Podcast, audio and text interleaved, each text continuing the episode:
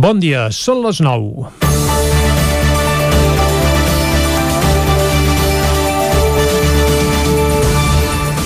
L'any passat vam viure un Sant Jordi descolorit, confinat i digitalitzat. Va ser la confirmació que la normalitat que coneixíem s'havia esfumat. Érem al cim de la primera onada i encara estàvem del tot esturats. El dia era rúfol i semblava lluny la sortida del sol. Però enguany ha estat com un reviure. Amb la mascareta, la distància de seguretat i tot de protocols, el format ha estat nou. L'esperit, en canvi, retrobat, ha revifat. Al carrer, assolellat i radiant, s'hi va respirar el mateix aire de sempre la mateixa sensació d'alegria inevitable i contagiosa que any rere any, el 23 d'abril, fa bategar tot un país. I entre llibres i roses, una sortida que s'acosta, perquè Sant Jordi, divendres, també va ser una diada d'esperança. Una diada en què el cavaller, de nou, va derrotar el drac del coronavirus i ens va injectar vacunes contra el desànim i la desesperança. Què millor que un llibre i una rosa per viatjar cap a un món que se'n surt de la pandèmia amb un somriure als llavis? Un somriure, això sí, amagat, darrere una mascareta. I divendres, el cert és que va ser un festival. Es van acabar les roses. A mitja tarda no en quedaven a gairebé cap racó del territori 17 i van volar milers de llibres de les paradetes que aquest any sí omplien els carrers. Paradetes, però, només de llibreries. A indrets com Vic, per exemple, hi va haver polèmica perquè l'Ajuntament es va negar a donar permís a associacions i entitats per vendre roses o llibres. Tenint en compte que la normativa ho permetia, sempre respectant les mesures anticovid, és evident que la decisió va ser un error. Les ciutats són molt grans i amb voluntat hi hauria espai per ubicar a tothom sense perill d'aglomeracions. I Sant Jordi, a més, no és només una festa, sinó que també és una excusa, sovint, per moltes entitats per fer caixa i tenir un racó per sobreviure durant tot el curs. Aquest racó, per segon any consecutiu, tampoc hi serà. Potser des d'algun despatx algú pensa que no cal que les entitats facin cèntims, si total tampoc poden fer activitats. Sigui com sigui, que visqui Sant Jordi. Segurament el dia més esplèndid i transversal que es viu a Catalunya durant l'any, on tothom hi és cridat a participar. I l'any que ve, tant de bo el sant patró ja no hagi de lluitar contra el drac del coronavirus, sinó que es pugui dedicar a lluitar contra tots aquells que sense treva malden des de fa segles per acabar amb la nostra llengua, la nostra cultura i el nostre país. Si ens troben junts i units i armats amb roses i llibres i la força de la raó, mai ens podran torcer. Comença Territori 17 a les sintonia del nou FM, la veu de Sant Joan, Ràdio Cardedeu, Ona Codinenca i el nou TV. Territori 17, amb Vicenç Vigues i Jordi Sunyer.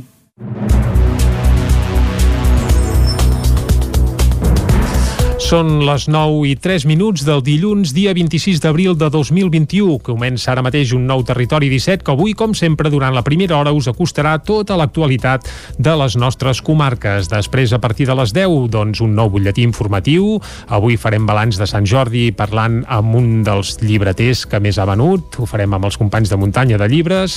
També, com que som dilluns, tindrem un marcat caràcter esportiu al programa d'avui. Farem un repàs a com els han anat els equips del nostre territori la la jornada del cap de setmana i avui acabarem fent tertúlia esportiva parlant de la Lliga de Futbol de Primera Divisió, una lliga on, per cert, el Barça es podria posar líder en solitari si aquesta setmana eh, vens el Granada en un partit que té pendent a la Lliga. Per tant, la cosa es posa interessant, però de futbol en parlarem a la part final d'un territori 17 que ara, com sempre, l'arrenquem fent un repàs a l'actualitat de casa nostra, l'actualitat de les comarques del Ripollès, Osona, el Moianès i el Vallès Oriental. Bye. Des d'avui mateix ja es pot circular sense restriccions de mobilitat per tot Catalunya i també avui han tornat presencialment a les aules els alumnes de batxillerat. Dijous passat el Procicat va aprovar formalment aixecar el confinament comarcal i permetre la lliure circulació per tot Catalunya a partir d'avui mateix.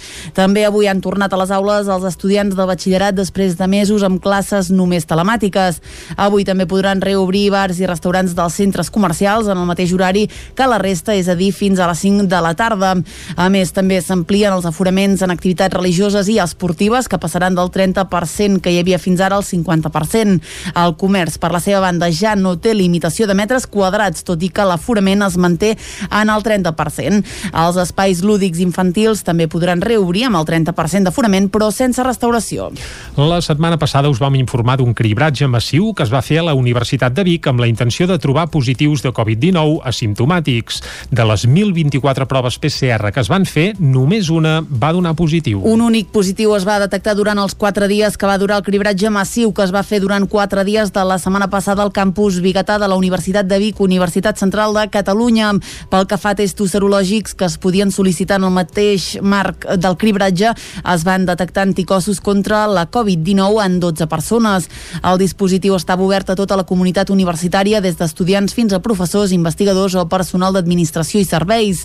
El cribratge va començar dilluns passat i es va tancar dijous. El dia amb més afluència de gent va ser dimarts, amb un total de 354 persones. Pràcticament tota la població de Caldes de Montbui de 80 anys o més ja ha rebut la vacuna contra la Covid-19 al Centre d'Atenció Primària Joan Mirambell. Caral Campàs, des d'Ona Codinenca. Les úniques excepcions són persones que per alguna situació clínica en el seu moment no estaven indicades per ser vacunades. En aquests casos, personal, personal del CAP les va trucant per comprovar el seu estat i establir una data de vacunació el més aviat possible. Ara la vacunació a Caldes ja està ficada de ple en la franja d'edat de 70 a 79 anys. Carme Blanco, adjunta a la direcció del CAP Calderí, assegura que la campanya està sent intensa però que la col·laboració de la població és total. L'activitat que es fa relacionada amb la vacunació és amb cita prèvia.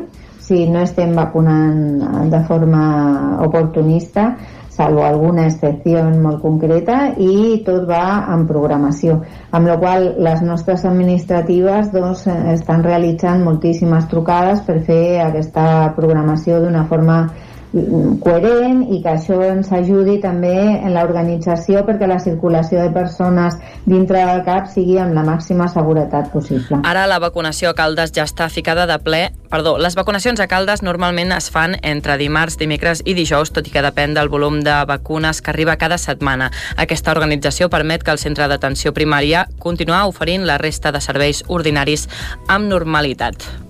Eh, amb aquesta organització administrem tot el volum de vacunes que rebem setmanalment sense, sense alterar l'activitat la, i el funcionament normal del centre en quant a seguiment de, de pacients aguts o crònics o altres activitats que realitzem en el CAP. En darrer terme, des de l'Institut Català de Salut recorden a les persones de la franja d'edat de 80 anys o més que encara no s'hagin vacunat que han de contactar amb el seu cap de referència per demanar cita.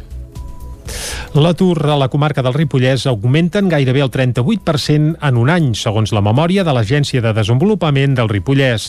Isaac Muntades, des de la veu de Sant Joan. Les dades socioeconòmiques publicades a la memòria de l'Agència de Desenvolupament del Ripollès del 2020 indiquen que la situació laboral de la comarca s'ha vist colpejada de ple per les conseqüències de la pandèmia de la Covid-19. La dada més preocupant és la de l'atur, que ha augmentat en un 37,8% en només un any, passant de 877 persones registrades a l'atur durant el mes de gener del 2020 a les 1.209 del mateix mes però d'enguany, un augment absolut de 332 persones més sense feina. El director de l'Agència de Desenvolupament del Ripollès, Gerard Soler, va explicar que després d'11 anys remuntant per culpa de la crisi econòmica que va esclatar el 2008, venien amb una bona dinàmica fins que al març de l'any passat va arribar la crisi sanitària i social derivada de la pandèmia. Que la situació i el paradigma canvia. Passem de gestionar aproximadament unes 30-40 ofertes setmanals a de cop i volta se'ns estronca, se'ns paren eh, totes les ofertes i també ens trobem amb una situació que degut a la, a la pandèmia, a la situació, al neguit, a la incertesa, comencem a, a estar sobresaturats els nostres serveis d'atenció a les persones perquè ja no només tenem aquests perfils que venia dient, sinó que ens trobem gent, doncs els han posat a Merto, que comencen a, a, tenir incerteses, dubtes per si els seus sectors o les seves empreses els continuaran mantenint i ens veiem sobredimensionats a nivell de tot de consulta, des de com puc tramitar l'expediental de,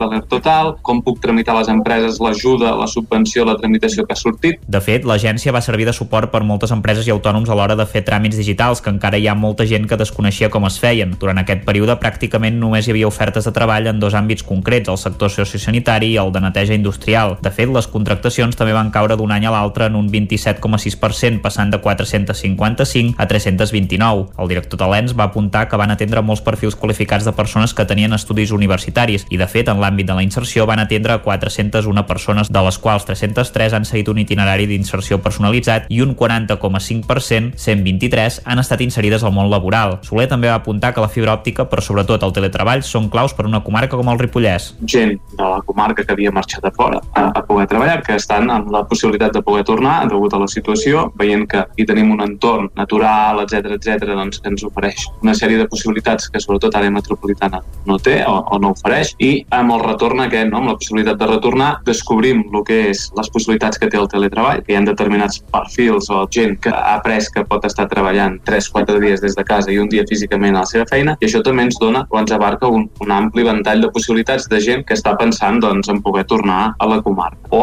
aquell doncs, que directament es vol instal·lar aquí perquè la seva pròpia feina ho, ho permet. L'agència va gestionar un total de 178 ofertes i destaquen les 60 del sector de l'hostaleria, les 27 d'activitats sanitàries i de serveis socials o les 22 del comerç a l'engròs i el detall, reparació de vehicles de motor i motocicletes. L'aula magna de la Universitat de Vic acull avui i demà les primeres jornades sobre les tendències del màrqueting i la comunicació empresarial. Durant els dos dies es faran nou ponències i una taula rodona amb ponents de primer nivell com Lluís Bassat o Anna Palència. Les jornades sobre les tendències del màrqueting i la comunicació empresarial que es fan avui i demà a la Universitat de Vic estan concebudes com un espai de reflexió sobre les noves tendències d'aquest sector i un punt de trobada entre la professió, els estudiants i el professorat. L'objectiu d'aquesta iniciativa és promoure, difondre i transmetre els coneixements d'avantguarda en l'àmbit del màrqueting i la comunicació empresarial. Ho detalla Santiago Jordan, coordinador de les jornades. Es tracta de compartir una mica tot el que, el que són les tendències de la, del màrqueting 4.0, vull dir que és un màrqueting, vull dir, pues, ja que incorpora variables que fins avui no es tenien tant en consideració, tot el tema del propòsit social, tot el tema de l'omnicanalitat, vull dir, pues, són eh, variables de, del màrqueting o tendències del màrqueting que volem compartir amb el, amb el nostre món, no? Les jornades s'han inaugurat aquest mateix matí a les 9 en un acte en format virtual amb la presència del conseller d'Empresa i Coneixement Ramon Tremosa i de David Coral, president Proximity Iberia i membre de BBDO Worldwide. Per avui també destaca la ponència de Lluís Bassat, fundador del grup Bassat, que per la pandèmia també es farà en format virtual. Demà dimarts hi haurà, un, hi haurà entre d'altres, una ponència amb Jordi Pi, productor executiu de continguts digitals de la Corporació Catalana de Mitjans Audiovisuals, i Àlex Marquina, director d'estratègia de la marca CCMA que radiografiaran el concepte de televisió líquida. Aquesta ponència la presentarà Natàlia Peix, periodista del Nou TV, que juntament amb el 9-9 són col·laboradors de les jornades. I ara parlem de Sant Jordi. La plaça Major de Vic va tornar a ser el punt central de la Diada a la comarca d'Osona. Al seu voltant s'hi van desplegar les parades de roses i llibres, que enguany només eren de professionals del sector, ja que en el marc de les mesures anti-Covid no es van permetre les parades d'entitats. A les parades la presència de clients va ser una constant amb cua, sobretot a la tarda. Floristes i llibreters destacaven especialment l'alegria de recuperar la celebració de Sant Jordi al carrer després del confinament de l'any passat. Sentim per aquest ordre a Judit Altimir d'Aràlia Flors i a una de les venedores de llibres que hi havia a la plaça Major. Tens ganes de, de vendre el, cas, no? el, el que ofereixes als clients i de viure la diada també i, i també con, et contagies de la il·lusió de tothom també, saps? De, de l'ambient que hi ha. Gent a tot arreu. A la llibreria també tota la setmana hi ha hagut molta gent i a la parada també. El de matí ha estat un bon matí ha estat entre quarts de 12 i a la 1, que ja hem tingut un pic de vendes, llavors ha baixat, i ara a partir de les 5 un quart de 6 hem tornat a haver-hi aquest pic. A Manlleu també hi va haver parades a la plaça Fra Bernadí, a Torelló. A la tarda s'hi va fer un recital músico-poètic de l'Escola de Música. I també va funcionar perfectament el Sant Jordi a Cardedeu, on totes les llibreries i floristeries van eh, pràcticament exaurir les seves existències. Ens ho explica David Auladell, de Ràdio i Televisió, Cardedeu. Diada de Sant Jordi amb aforament limitat, així s'ha viscut a Cardedeu. Llargues cues per adquirir el llibre i la rosa desitjats. Per part de les floristeries i les llibreries, molt contents. Diuen que feien anys que no vivien un Sant Jordi amb tantes vendes. Ens ho explica l'Arnau Urgell de la llibreria Espai 31 i l'Anna Mas de la llibreria Àgora. Mm, doncs bé, eh, no ens esperàvem pas tanta afluència de gent. Mm, estàvem, normalment hem estat a la plaça, l'any passat es va anul·lar, aquest any ens hem posat un sol dia aquí, els altres dies a, fora a les botigues, i la veritat, la gent ha respost molt bé. Uh, molt bé, millor del que esperàvem, la veritat, sí, sí, sí. L'espai habilitat a Cardedeu per Sant Jordi ple fins a última hora, però és que els carrers del centre també, ja que algunes botigues han decidit posar parada als dos llocs o fer-ho només davant de la botiga. Les floristeries han esgotat el gènere molt ràpid i han hagut d'anar fent reposicions i alguna ha hagut de tancar abans d'hora per falta de material. L'exposició fotogràfica Apelo Fotografia, que es va poder veure fins ahir diumenge a Manlleu, mostra a través de retrats l'alopècia femenina. La Núria Garriga tenia només 20 anys quan va començar a patir una alopècia androgènica a causa d'un canvi hormonal. Li desapareixia el cabell del cap, però el pèl sortia en accés a la cara i a la resta del cos. La situació la va portar a una etapa complicada de la seva vida, Núria Garriga entenia el que em passava, mm, bueno, em sentia única en el món no? en, aquest, en, aquest, en aquesta condició i eh, vaig passar-ho molt malament vaig entrar en un estat depressiu no? de no voler sortir de dia se'm veia el, el dissotisme molt de complexa reduir les activitats no? i, i això i quan, ja, quan ja el cabell ja era tan visual que no podia que se'n veia tothom, què et passa el cabell? És com, vaig començar a portar mocador. El 2017 Garriga va contactar amb tres noies que també tenien alopècia i així naixia Apelo, una associació creada amb l'objectiu i necessitat de donar a conèixer la problemàtica que genera l'alopècia, sobretot en dones. També volen normalitzar-la i empoderar la dona. Apelo, un dels dos punts més forts que tenim, un és la, les quedades de les noies que tenim alopècia. Noies i nois, eh? tant homes i dones, però els homes podem vingut en alguna ocasió, però no acaben de... Clar, és diferent la problemàtica amb una dona que amb un home, amb aquest tema de moment. Llavors, un dels, dels punts forts de Pelo és les quedades presencials, el veure't, el parlar-ne, el plorar, riure, però des del tutu, des de poder-te abraçar, des del compartir, i un cop, això jo sempre dic que aquesta és la part de teràpia de pelo, no? d'un mateix, i llavors hi ha la part de visibilització de l'alopècia eh, cap al món. L'exposició es va poder veure a la sala d'exposicions de Can Puget de Manlleu fins aquest diumenge. I fins aquí el butlletí informatiu que us hem ofert amb les veus de Clàudia Dinarès, David Auladell, Caral Campàs i Isaac Muntades. Ara el que toca és fer un cop d'ull a la situació meteorològica.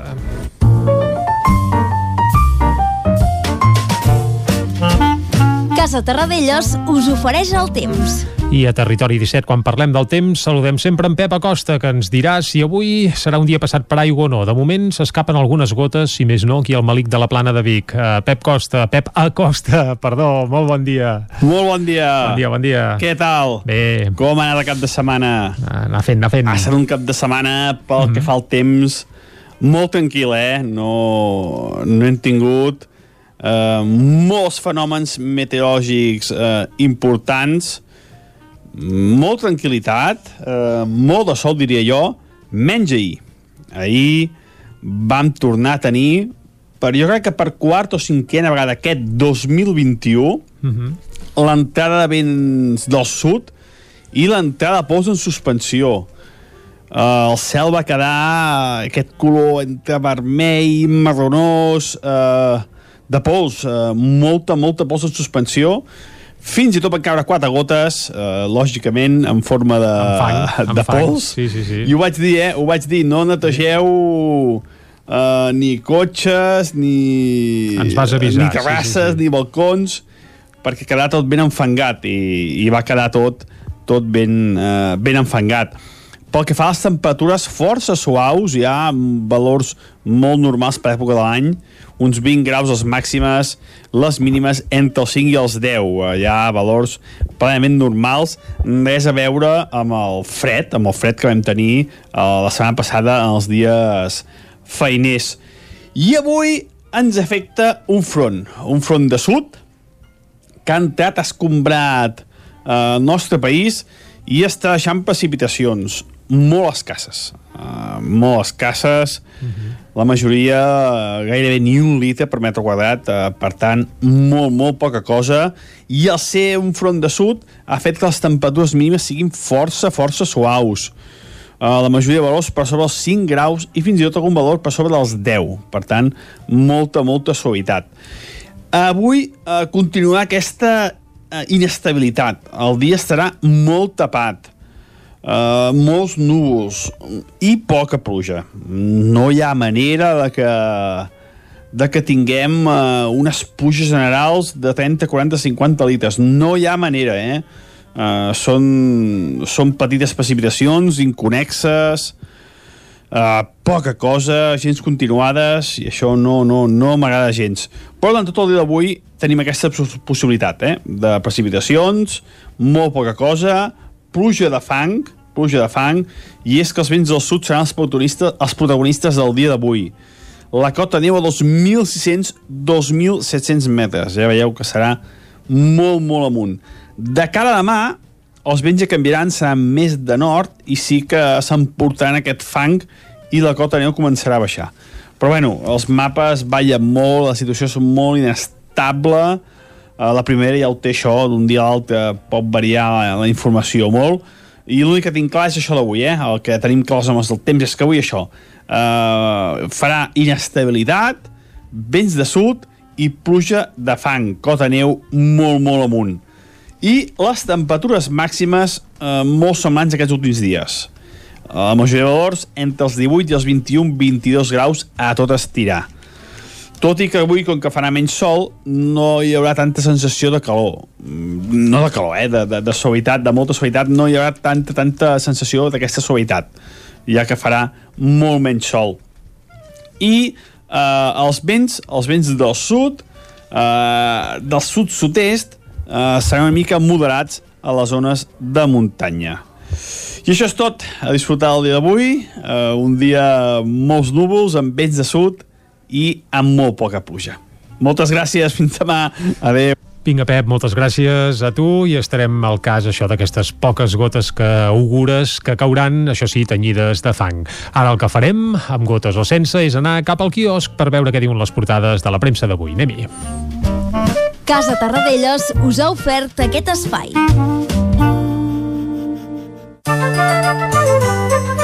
I per saber què diuen els diaris avui, saludem de nou a la Clàudia Dinarès. Bon dia, Clàudia. Molt bon dia de nou. Arrenquem avui pel 9-9, que som dilluns, eh? Exactament, comencem amb l'edició d'Osona i el Ripollès que diu el Club Pativic certifica el seu descens després de 30 anys consecutius a l'elit. Mm. Els problemes de l'entitat en el darrer lustre han arrossegat l'equip a la pèrdua de la categoria. A la imatge, un viatge pels canals subterranis de Manlleu. Les restriccions, canviem de tema per la Covid, es relaxen i ja hi ha llibertat per moure's per tot Catalunya i neix a GURB, un centre que ajuda les persones amb discapacitat a poder viure soles. Anem a l'edició del Vallès Oriental que diu sanitaris alerten del pic de depressions i ansietat que ve a causa de la pandèmia. Granollers ha esgotat en tres mesos el pressupost pel suport psicològic d'infants. A la imatge, el tas de la mitja venç la Covid, canviem de tema, un dispositiu policial evita que els manters s'instal·lin a Canovelles i l'allotjament turístic al Vallès Oriental ha caigut un 38% pel virus. Molt bé, anem ara a les portades d'àmbit nacional. Comencem pel punt avui. Exactament, comencem mm -hmm. pel punt avui que diu càstig dur a la cultura popular. Colles i federacions lamenten que se'ls hagi penalitzat en el nou context. La continuïtat de les activitats i el relleu generacional en perill. A la imatge, oxigen a la mobilitat, el comerç i la restauració. S'acaba el confinament comarcal i el govern estudia allargar el toc de queda fins a les 11 de la nit. En esports, victòria blaugrana a la Lliga i valuós empat a París de les jugadores del Barça. Anem al diari Ara que diu Europa prepara els salconduits per reactivar el turisme a l'estiu. El Regne Unit i diversos països de la Unió Europea ultimen els certificats verds pel mes de juny. El Procicat estudia ara reobrir les terrasses per sopars i suavitzar el toc de queda nocturn. La Conselleria d'Educació rep 70 denúncies de violència contra menors en només un mes. La Caixa de Solidaritat ja ha pagat 14 milions per la repressió i en esports l'Atlètic perd i posa el liderat en safata al Barça. Anem avançant, anem al periòdico que diu 10 municipis concentren gairebé la meitat de les morts per Covid-19. Barcelona, l'Hospitalet, Sabadell i Terrassa encapçalen el cens dels 21.700 morts. A la imatge, la Lliga a tocar la derrota de l'Atlètic permetrà al Barça ser líder si guanya dijous el Granada. El Procicat veu pròxim obrir de nit els bars i els restaurants i el Via Crucis de la investidura de Pere Aragonès ja dura alerta 69 dies. Anem a l'avantguàrdia que diu les borses inicien la desescalada entre el temor d'un crac i l'eufòria. A la imatge general amplia la seva llegenda al Godó. Catalunya encara les tres últimes setmanes abans que comenci a remetre el virus i en esports pas de gegant del Barça cap al liderat. Molt bé, anem ara a les premses que s'editen des de Madrid, a les capçaleres que s'editen des de Madrid. Per on arrenquem, Clàudia? Exactament, arrenquem com sempre amb el país que diu dos membres del Constitucional donen suport a reformar la sedició. El crèdit a les empreses fa créixer la incertesa i a la imatge el públic va acompanyar a Rafa Nadal. El Mundo Ayuso confia en poder governar sense Vox, però tem més crispació. Està a quatre punts de la majoria i suma tant com els tres partits de l'esquerra tot i el circ, així mateix ho diu al Mundo. A la imatge investiguen el míting del Partit Socialista a una àrea confinada de Getafe i el pla de recuperació sense l'aval dels agents socials. Encarem ja la recta final, anem a la raó que diu l'esquerra es mobilitza poc, aquest poc el posen entre parèntesis. Ayuso guanyaria i sumaria majoria absoluta amb Vox, que rentabilitzaria el seu xoc amb Pablo Iglesias, mentre el PP es para i Ciutadans alerta desapareix com veiem fa un moment, investiguen si Pedro Sánchez va vulnerar la llei a l'anar a un míting d'un barri confinat. A la imatge, Nadal es fa eterna a Barcelona i Sanitat autoritzarà les empreses a vacunar a partir del mes de maig. Acabem, com sempre, amb l'ABC que diu Moncloa amaga els noms i els currículums dels 127 assessors en les delegacions del govern. A la imatge, Gibraltar creix sobre aigües espanyoles. La colònia britànica s'expandeix amb torres torres d'edificis i farcits de terra que amenacen en provocar danys mediambientals. Molt bé, doncs moltes gràcies, Clàudia, per aquest repàs a la premsa d'avui. Fins ara. Uh, exacte, ens veurem a les 10, uh, o no, d'aquí res, d'aquí 10 minutets, 5 minutets, vaja, comptats, que repassarem de nou l'actualitat de les nostres comarques. Doncs tanquem aquí el repàs de la premsa diària, no sense abans fer un cop d'ull molt ràpid, molt ràpid a la premsa esportiva, on el Mundo Deportivo titula Remuntada i també amb un subtítol petit, un gol per somiar amb la final, on parla de la Champions femenina de futbol, que ahir el Barça doncs, va empatar un 1 a 1 al camp del PSG. A l'esport, la Lliga més a prop i titulen eh, amb una fotografia de Griezmann i Messi que se li abraça, deixant clar que el Barça eh, es posaria líder en solitari si guanya aquest dijous el Granada en un partit que encara té pendent. De tot això en parlarem a la tertúlia esportiva d'avui a la part final del Territori 17, com fem sempre els dilluns. Ara, però, el que ens toca és anar a fer una breu pausa i de seguida tornem aquí a Territori 17 acostant-vos de nou l'actualitat de casa nostra nostra de les comarques del Ripollès, Osona, el Moianès i el Vallès Oriental. El nou FM, la ràdio de casa, al 92.8. Rètols 2A. Experts en comunicació visual. Rètols, banderoles, vinils, impressió, plaques gravades, senyalització, display... Rètols Dos Art. Ja són 25 anys al vostre servei. Ens trobareu a la carretera de Vic a Olot, número 7, al polígon Malloles de Vic. dosartvic.com Telèfon 93 889 2588. Cobertes serveis funeraris. Els nostres tanatoris estan ubicats en els nuclis urbans més poblats de la comarca d'Osona per oferir un millor servei. Tanatori de Vic, Tanatori de Manlleu, Tanatori de Centelles i Tanatori de Roda de Ter. Sabem que són moments difícils i per això el nostre compromís és atendre-us en tot moment amb un tracte humà, sensible i respectuós. Cobertes serveis funeraris. Telèfon 24 hores 93 883 23 46.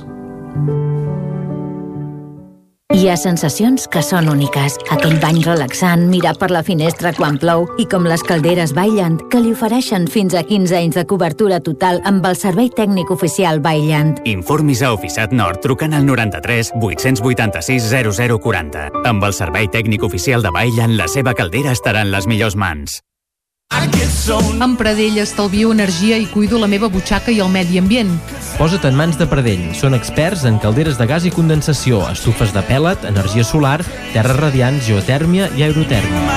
Pradell instal·la calderes de biomassa per a particulars i per a empreses. Si vols estalviar un 50% en consum, contacta amb Pradell i passa't a les energies renovables.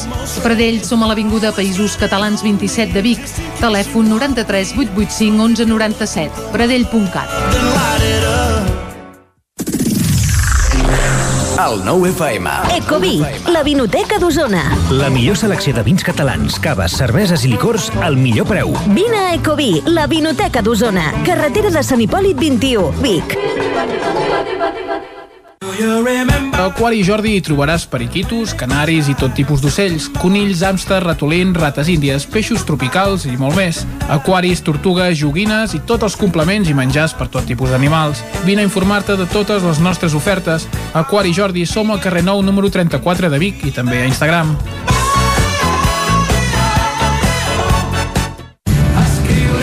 Aquesta primavera, per estar bé a casa, vine a Mobles Verdolet. Sofàs, sales d'estudi, dormitoris, menjadors i molt més. Mobles fets a mida. Mobles Verdolet. Ens trobareu al carrer Morgades 14 de Vic i al carrer Nou 44 de Torelló i també a moblesverdolet.com. El nou FM, el nou FM, el nou FM, el nou FM. Territori 17, amb Vicenç Vigues i Jordi Sunyer.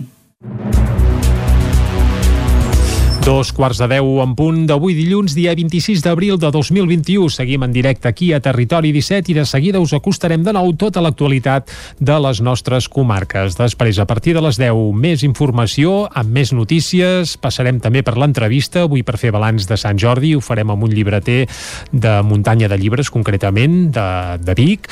També avui anirem als Solidaris, amb Eloi Puigferrer, perquè som dilluns, i repassarem com els ha anat la jornada esportiva d'aquest cap de setmana els equips del nostre territori i, com sempre, acabarem els dilluns fent tertúlia esportiva. Ho farem parlant sobretot de la Lliga de Futbol de Primera Divisió amb un Barça que si dijous guanya el Granada en aquest partit pendent que té, doncs es posaria líder en solitari de la Primera Divisió de Futbol. Això ens ho expliquen ben passat Nadal i no s'ho creuria ningú, però bé, tot les coses canvien, ja ho diuen. El que no canvia és que Territori 17 segueix fent-vos companyia i ho farà fins a les 12 del migdia i ara mateix, com sempre, ho farem acostant-vos de nou l'actualitat de casa nostra, l'actualitat de les comarques del Ripollès, Osona, el Moianès i el Vallès Oriental.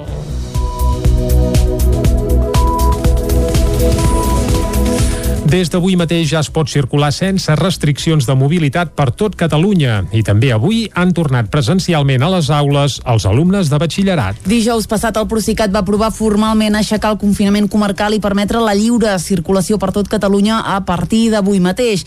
També avui han tornat a les aules els estudiants de batxillerat després de mesos amb classes només telemàtiques. Avui també podran reobrir bars i restaurants dels centres comercials en el mateix horari que la resta, és a dir, fins a les 5 de la tarda. A més, també s'amplien els aforaments en activitats religioses i esportives que passaran del 30% que hi havia fins ara al 50%. El comerç, per la seva banda, ja no té limitació de metres quadrats, tot i que l'aforament es manté en el 30%. Els espais lúdics infantils també podran reobrir amb el 30% d'aforament, però sense restauració. La setmana passada us vam informar d'un cribratge massiu que es va fer a la Universitat de Vic amb la intenció de trobar positius de Covid-19 asimptomàtics. De les 1.024 proves PCR que es van fer, només una va donar positiu. Un únic positiu es va detectar durant els quatre dies que va durar el cribratge massiu que es va fer durant quatre dies de la setmana passada al campus Bigatà de la Universitat de Vic, Universitat Central de Catalunya.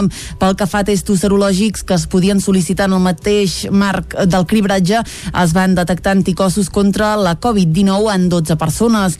El dispositiu estava obert a tota la comunitat universitària, des d'estudiants fins a professors, investigadors o personal d'administració i serveis. El cribratge va començar dilluns passat i es va tancar dijous. El dia amb més afluència de gent va ser dimarts, amb un total de 354 persones. Pràcticament tota la població de Caldes de Montbui de 80 anys o més ja ha rebut la vacuna contra la Covid-19 al Centre d'Atenció Primària Joan Mirambell. Caral Campàs, des d'Ona Codinenca. Les úniques excepcions són persones que per alguna situació clínica en el seu moment no estaven indicades per ser vacunades. En aquests casos, personal, personal del CAP les va trucant per comprovar el seu estat i establir una data de vacunació el més aviat possible. Ara la vacunació a Caldes ja està ficada de ple en la franja d'edat de 70 a 79 anys. Carme Blanco, adjunta a la direcció del CAP Calderí, assegura que la campanya està sent intensa però que la col·laboració de la població és total. L'activitat que es fa relacionada amb la vacunació és amb cita prèvia.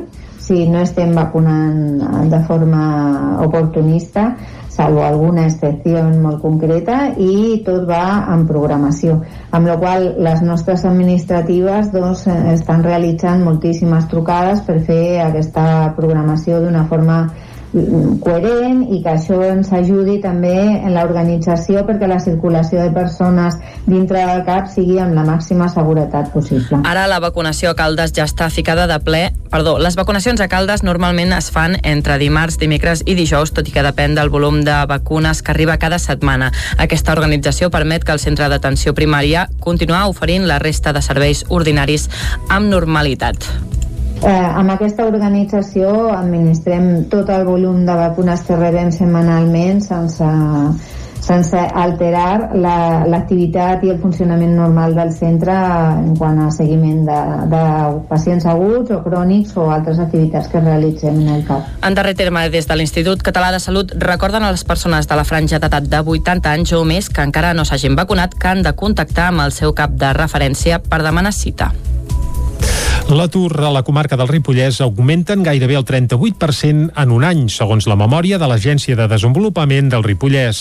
Isaac Muntades, des de la veu de Sant Joan. Les dades socioeconòmiques publicades a la memòria de l'Agència de Desenvolupament del Ripollès del 2020 indiquen que la situació laboral de la comarca s'ha vist colpejada de ple per les conseqüències de la pandèmia de la Covid-19. La dada més preocupant és la de l'atur, que ha augmentat en un 37,8% en només un any, passant de 877 persones registrades a l'atur durant el mes de gener del 2020 a les 1.209 del mateix mes però d'enguany, un augment absolut de 332 persones més sense feina. El director de l'Agència de Desenvolupament del Ripollès, Gerard Soler, va explicar que després d'11 anys remuntant per culpa de la crisi econòmica que va esclatar el 2008, venien amb una bona dinàmica fins que al març de l'any passat va arribar la crisi sanitària i social derivada de la pandèmia. Que la situació i el paradigma canvia. Passem de gestionar aproximadament unes 30-40 ofertes setmanals a de cop i volta se'ns estronca, se'ns paren eh, totes les ofertes i també ens trobem amb una situació que degut a la, a la pandèmia, a la situació, al neguit, a la incertesa, comencem a, a estar sobresaturats els nostres serveis d'atenció a les persones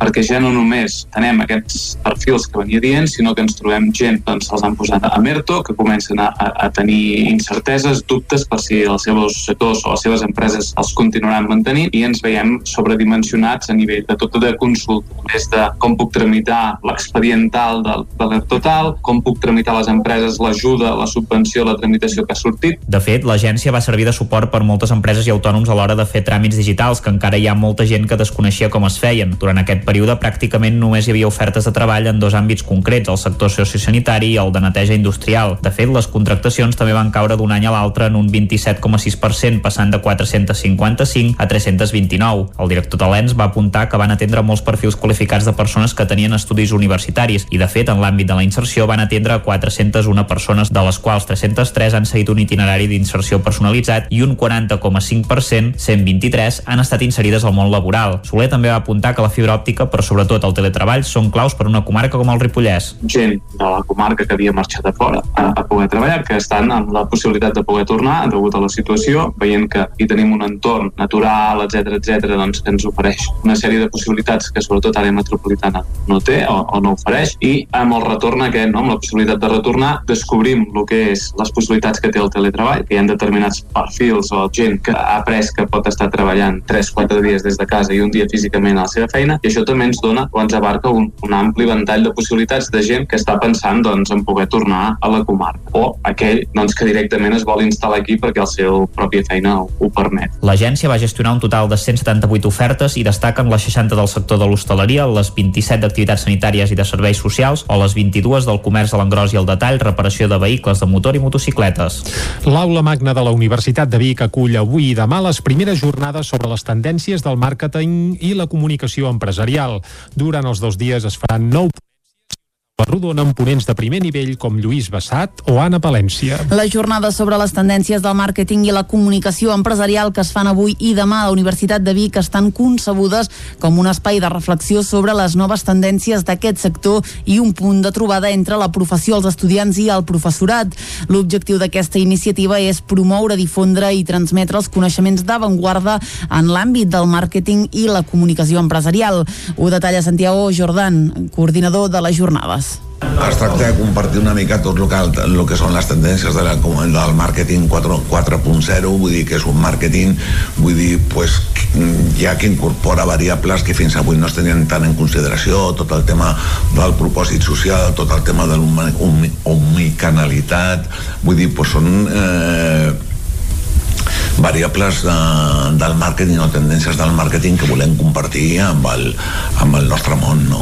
Les jornades s'han inaugurat aquest mateix matí a les 9 en un acte en format virtual amb la presència del conseller d'Empresa i Coneixement Ramon Tremosa i de David Coral, president Proximity Iberia i membre de BBDO Worldwide. Per avui també destaca la ponència de Lluís Bassat, fundador del grup Bassat, que per la pandèmia també es farà en format virtual.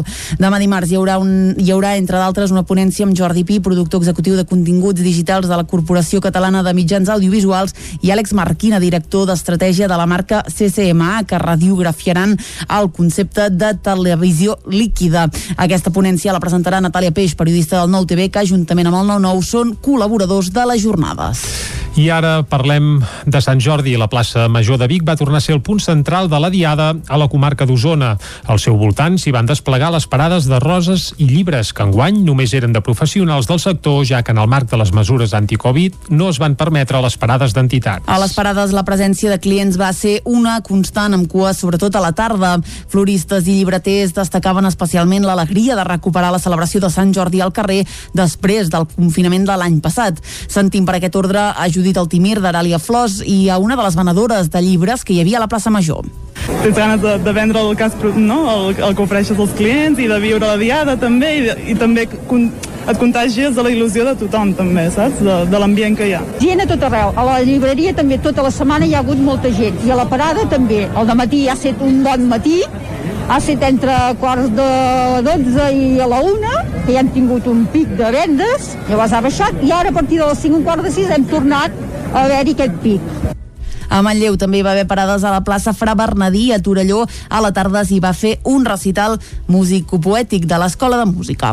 I també va funcionar perfectament el Sant Jordi a Cardedeu, on totes les llibreries i floristeries van eh, pràcticament exaurir les seves existències. Ens ho explica David Auladell, de Ràdio i Televisió, Cardedeu. Diada de Sant Jordi amb aforament limitat, així s'ha viscut a Cardedeu. Llargues cues per adquirir el llibre i la rosa desitjats. Per part de les floristeries i les llibreries, molt contents. Diuen que feien anys que no vivien un Sant Jordi amb tantes vendes. Ens ho explica l'Arnau Urgell de la llibreria Espai 31 i l'Anna Mas de la llibreria Àgora. Mm, doncs bé, eh, no ens esperàvem pas tanta afluència de gent. Mm, estàvem, normalment hem estat a la plaça, l'any passat es va anul·lar, aquest any ens hem posat un sol dia aquí, els altres dies a fora les botigues, i la veritat, la gent ha respost molt bé. Uh, molt bé, millor del que esperàvem, la veritat, sí, sí, sí.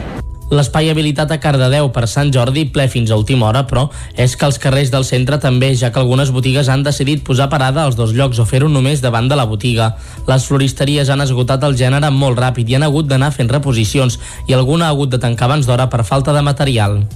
L'exposició fotogràfica Apelo Fotografia, que es va poder veure fins ahir diumenge a Manlleu, mostra a través de retrats l'alopècia femenina. La Núria Garriga tenia només 20 anys quan va començar a patir una alopècia androgènica a causa d'un canvi hormonal.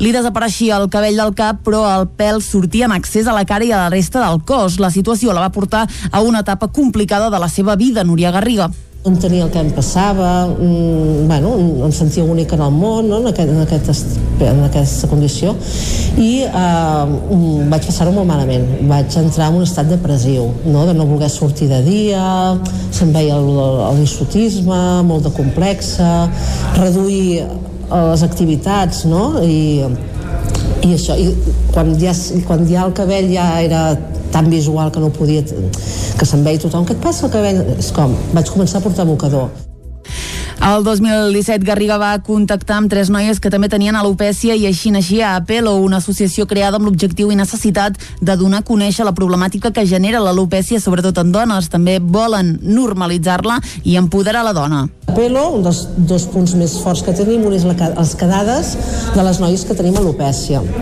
Noies i nois, eh?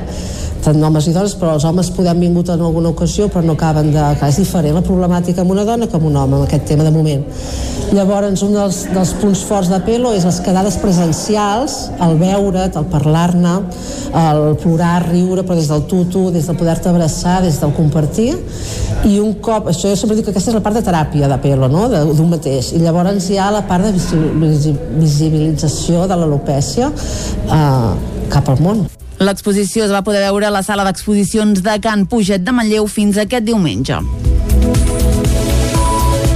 I fins aquí el butlletí informatiu que us hem ofert amb les veus de Clàudia Dinarès, David Auladell, Caral Campàs i Isaac Muntades. Ara el que toca és fer un cop d'ull a la situació meteorològica.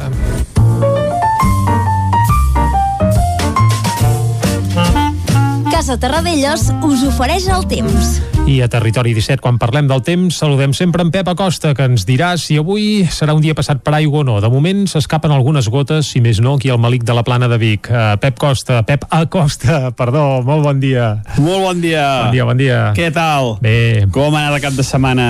Anar fent, anar fent. Ha estat un cap de setmana pel mm -hmm. que fa el temps molt tranquil, eh? No, no hem tingut eh, molts fenòmens meteorològics eh, importants, molt tranquil·litat, eh, molt de sol, diria jo, menys ahir. Ahir vam tornar a tenir, per jo crec que per quart o cinquena vegada aquest 2021, Mm -hmm. l'entrada de vents del sud i l'entrada de pols en suspensió. Uh, el cel va quedar aquest color entre vermell, marronós, uh, de pols, uh, molta, molta pols en suspensió, fins i tot van caure quatre gotes, uh, lògicament, en forma de, fang, de fang. pols. Sí, sí, sí. I ho vaig dir, eh? Ho vaig dir, no netegeu uh, ni cotxes, ni... Ens vas avisar, Ni terrasses, sí, sí, sí. ni balcons, perquè quedarà tot ben enfangat, i, i va quedar tot, tot ben, uh, ben enfangat. Pel que fa a les temperatures força suaus, hi ha valors molt normals per època de l'any, uns 20 graus les màximes, les mínimes entre els 5 i els 10. Eh, Hi ha valors plenament normals, res a veure amb el fred, amb el fred que vam tenir uh, la setmana passada en els dies feiners. I avui ens afecta un front, un front de sud, que ha entrat escombrat eh, el nostre país i està deixant precipitacions molt escasses. Uh, molt escasses. La majoria uh, gairebé ni un litre per metre quadrat. Uh, per tant molt molt poca cosa. I el ser un front de sud ha fet que les temperatures mínimes siguin força força suaus. Uh, la majoria de valors per sobre els 5 graus i fins i tot algun valor per sobre dels 10 per tant, molta, molta suavitat. Avui uh, continuarà aquesta uh, inestabilitat. El dia estarà molt tapat uh, molts núvols i poca pluja no hi ha manera de que de que tinguem uh, unes puges generals de 30, 40, 50 litres no hi ha manera, eh?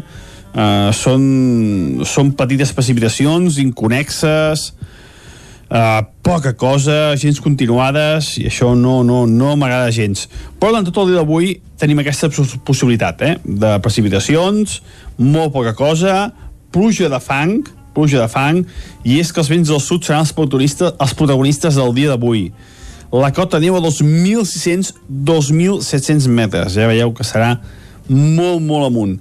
De cara a demà, els vents ja canviaran, seran més de nord i sí que s'emportaran aquest fang i la cota neu començarà a baixar. Però bueno, els mapes ballen molt, la situació és molt inestable, la primera ja ho té això, d'un dia a l'altre pot variar la, la informació molt, i l'únic que tinc clar és això d'avui, eh? El que tenim clars amb els del temps és que avui això uh, farà inestabilitat, vents de sud i pluja de fang, cota neu molt, molt amunt. I les temperatures màximes uh, molt semblants aquests últims dies. Uh, la majoria de valors entre els 18 i els 21-22 graus a tot estirar.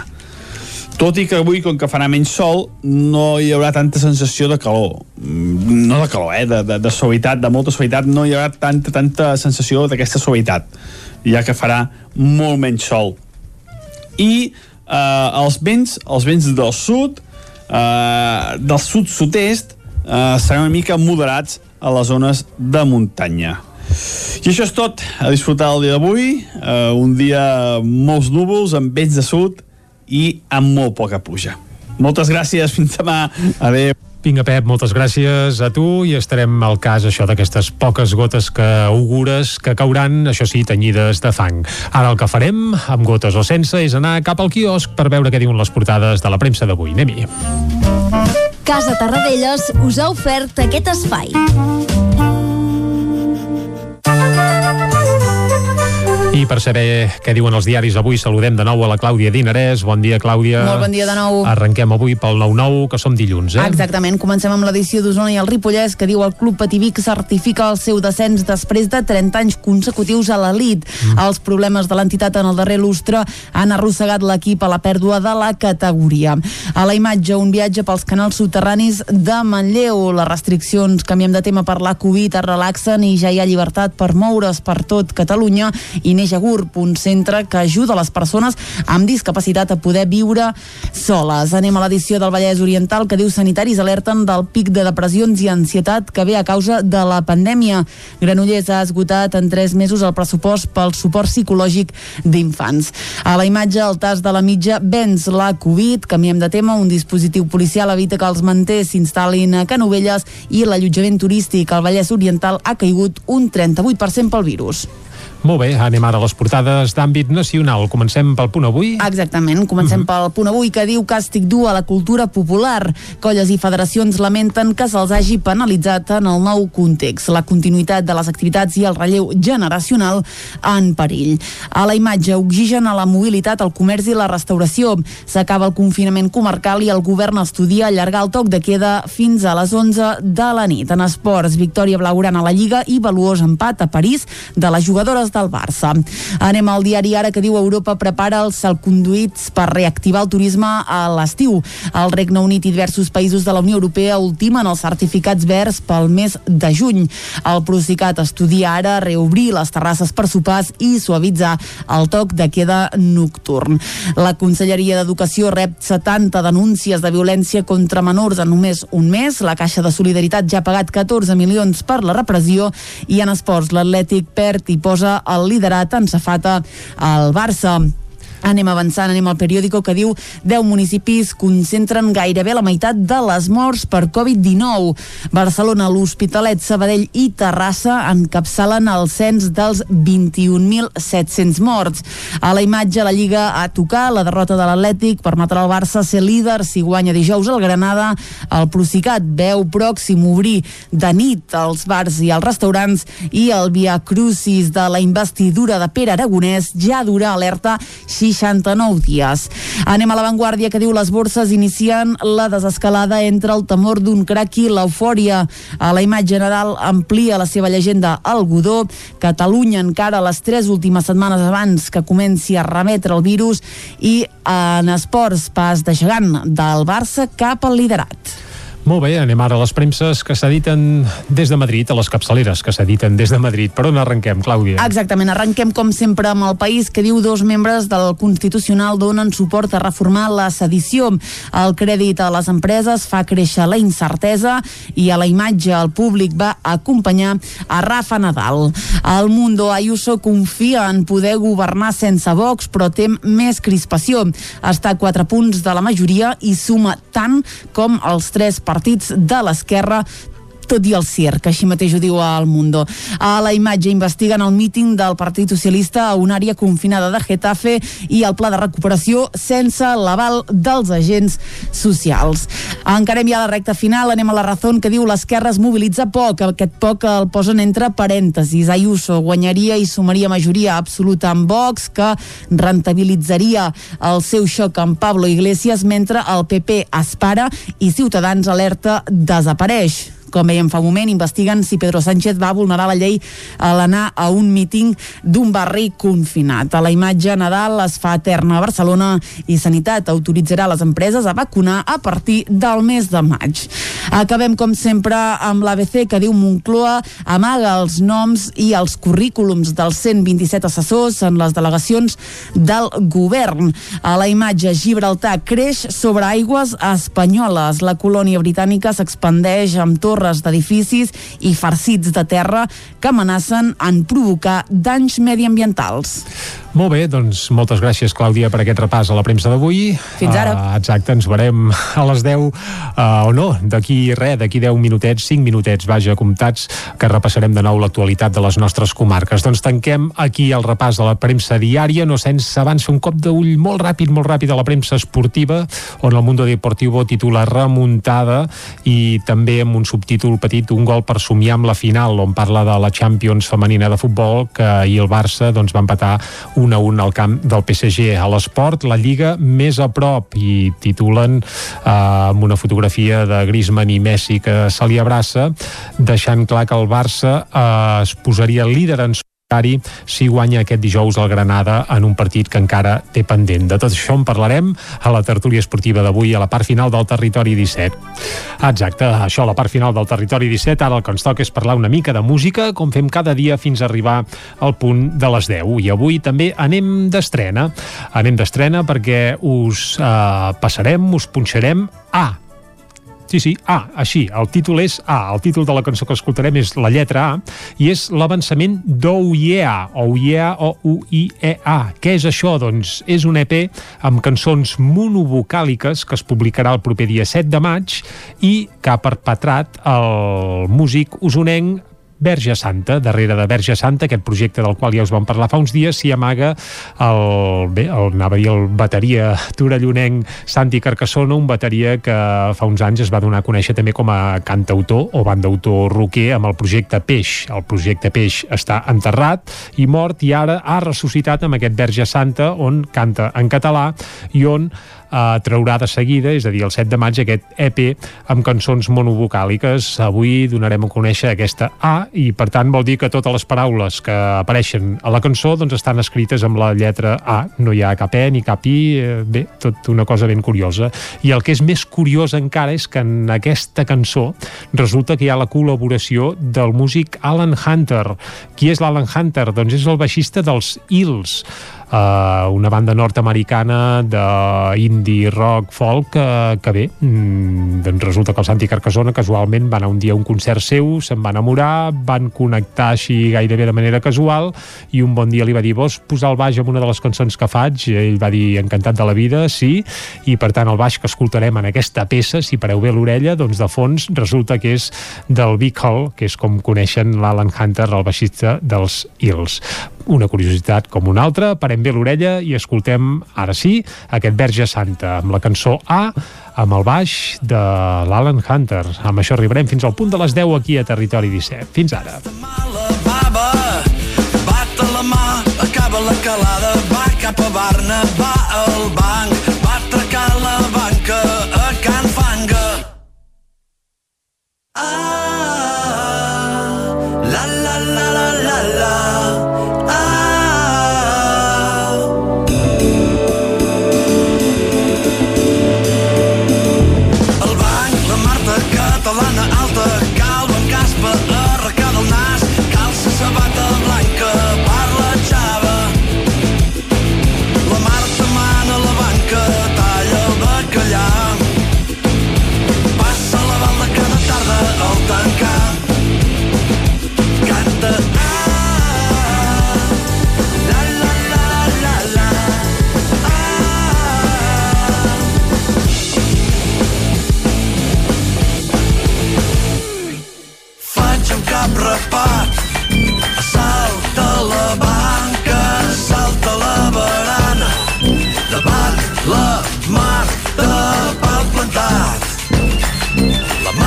Santa calla tabalada, ara m'atacarà, ara m'atracarà.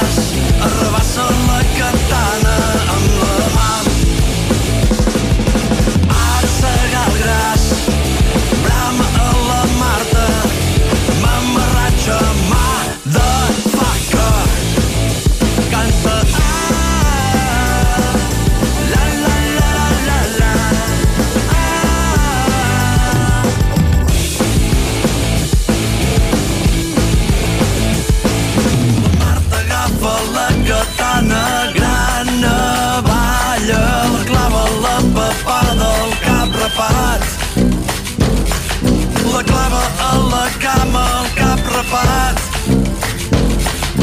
Faig amb la katana, clavada a la cama.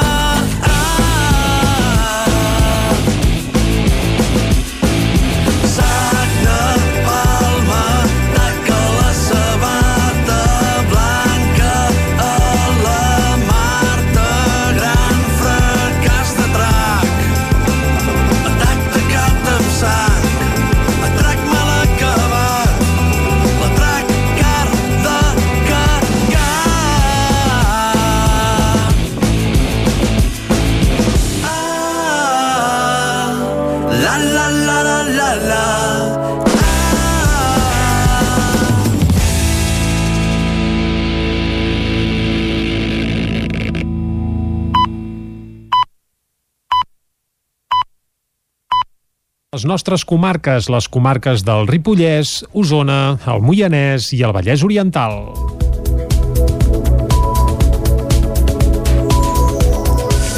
Divendres al matí estava previst un desnonament al carrer Torelló de Vic, que finalment es va aturar. Es tracta d'un matrimoni que viu a un pis de lloguer i ja fa uns mesos que el propietari no rep el pagament. El propietari alega, a més, que necessita el pis per viure-hi ell. Divendres s'hi van presentar juntament amb el seu advocat i membres dels jutjats, els quals van fer saber als actuals ocupants del pis que havien de marxar i els tràmits que havien de fer. Finalment van arribar a un acord i els actuals ocupants es van comprometre a desallotjar el pis avui mateix dilluns. Si no és el cas, dijous s'hi presentaran els Mossos d'Esquadra i ho hauran de fer la força. El Departament d'Educació atorga el distintiu d'Escola Verda a l'Institut Manolo Hugué de Caldes de Montbui. Caral Campàs, des d'Ona Codinenca. L'Institut Manolo Hugué de Caldes ha presentat aquest divendres el distintiu d'Escola Verda que li ha atorgat el Departament d'Educació.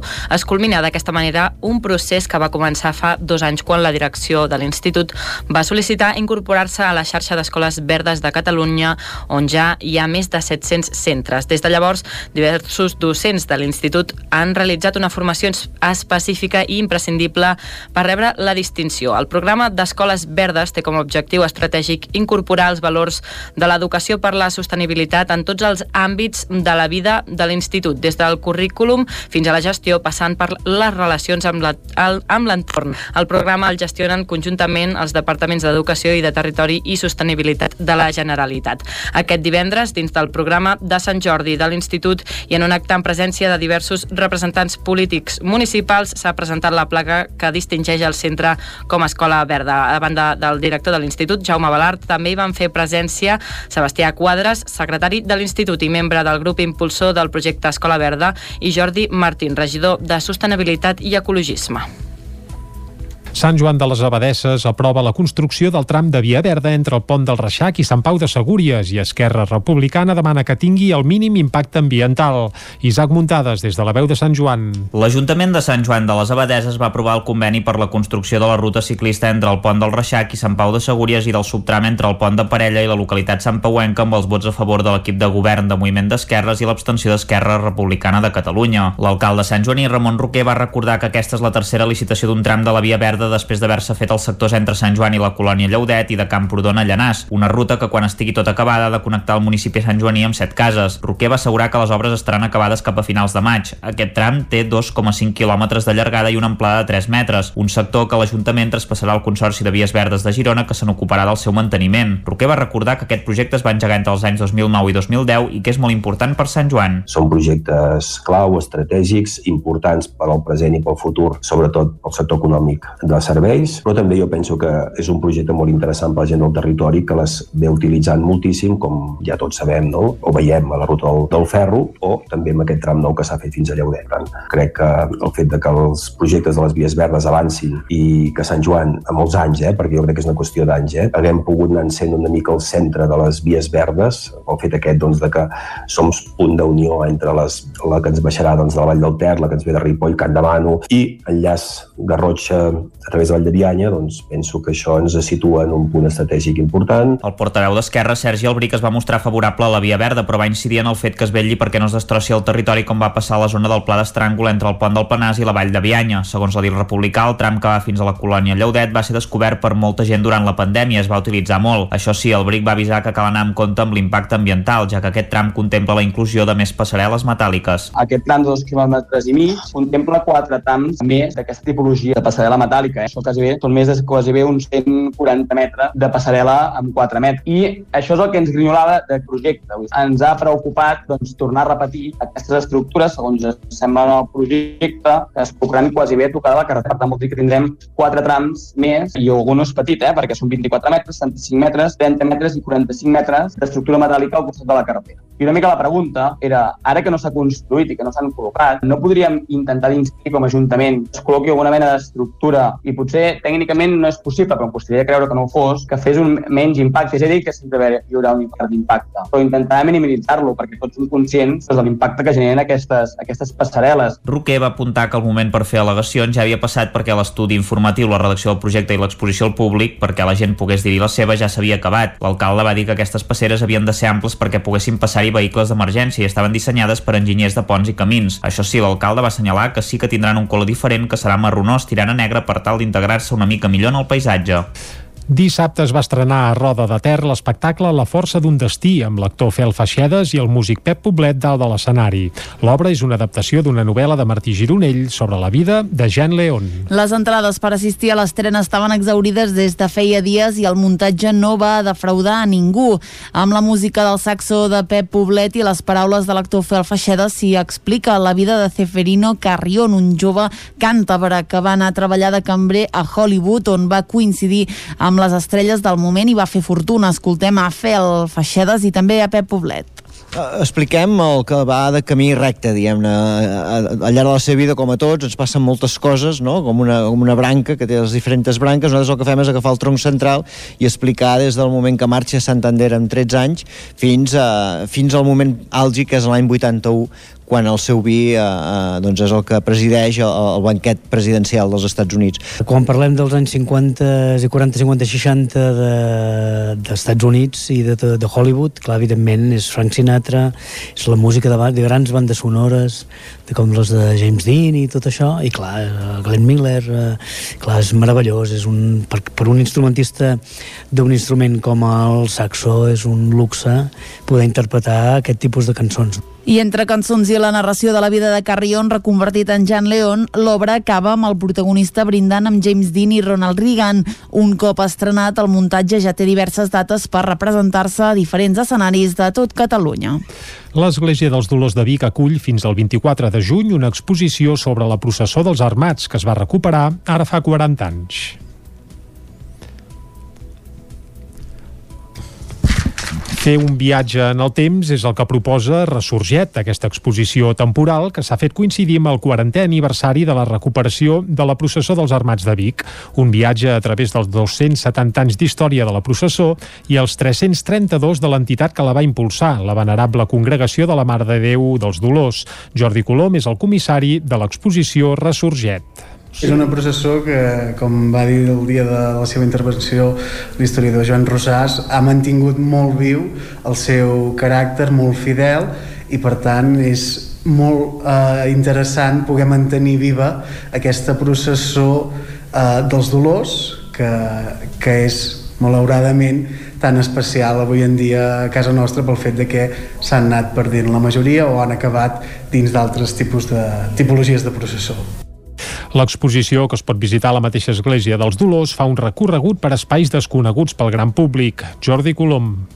Comencem, òbviament, per la zona de l'església, per situar una mica la gent dins de la casa, i llavors pugem cap al Cambril per veure la Mare de Déu, que és un lloc molt emblemàtic i més la imatge de, de Vicenç Real eh, provoca doncs, molta, molta emoció i llavors ja entrem el que seria la zona del pis que moltes vegades quan ho comentes a la gent no saben exactament de què els estàs parlant i això és una de les, dels punts forts no? d'aquesta exposició visitar espais com és la casa on hi tenim per exemple guardats tots els armats i en aquests armaris i és una de les de les imatges més, més potents que té l'exposició. La mostra, que es va inaugurar ja fa una desena de dies, es podrà visitar fins al proper 24 de juny, això sí, només amb visites guiades i reserva prèvia. Ho explica l'historiador i guia de les visites, Xavier Cervera. No és una exposició oberta d'entrada lliure, sinó que són grups prèviament concertats. Hi ha un correu de reserva, eh, que és reserva entrades eh, punt dolors, arroba gmail.com, i a partir d'aquí es van creant aquests grups de 15 persones com a màxim, concertant dia i hora per visitar l'exposició. La mostra es completa amb documentació i imatges antigues i fins i tot inclou un fragment del nodo. Esports. 1.400 atletes tornen a fer el tast de la mitja que aquest cop ha començat i acabat a Canovelles. David Auladell, de Ràdio i Televisió, Cardedeu. 1.400 atletes han pogut tornar a córrer aquest dissabte al tas de la mitja. Després de la cancel·lació de l'edició de l'any 2020 per la pandèmia, aquest any s'ha pogut tornar a disputar. El fundista hispà-marroquí Ayad Lamdassen, plusmarquista nacional de marató, amb un temps de 29 minuts i 22 segons, i la d'origen etíop Likina Amedau, amb un temps de 32 minuts i 20 segons, han estat els guanyadors d'aquesta prova de 10 quilòmetres. El temps de Likina és un nou rècord espanyol de la distància. Tot i poder-se celebrar la prova ha hagut d'adaptar-se a la situació sanitària. Hi ha hagut set calaixos de sortida segons els temps dels corredors, per la qual cosa els atletes d'èlit han encapçalat les sortides. També hi havia distàncies marcades al terra entre els corredors i la mascareta ha estat obligatòria abans i després de la cursa. A més, s'ha evitat passar per nuclis urbans. Una altra de les novetats ha estat el recorregut. Per primer cop s'ha iniciat i acabat a Canovelles, en concret al passeig de la Ribera 111 davant de l'empresa CAAC7. Bona part del recorregut ha estat pel polígon Pla de Llerona. I fins aquí el butlletí informatiu que us hem ofert, com sempre, amb les veus de Clàudia Dinarès, David Auladell, Caral Campàs i Isaac Muntades. Ara el que toca, de nou, és fer una nova ullada a la situació meteorològica.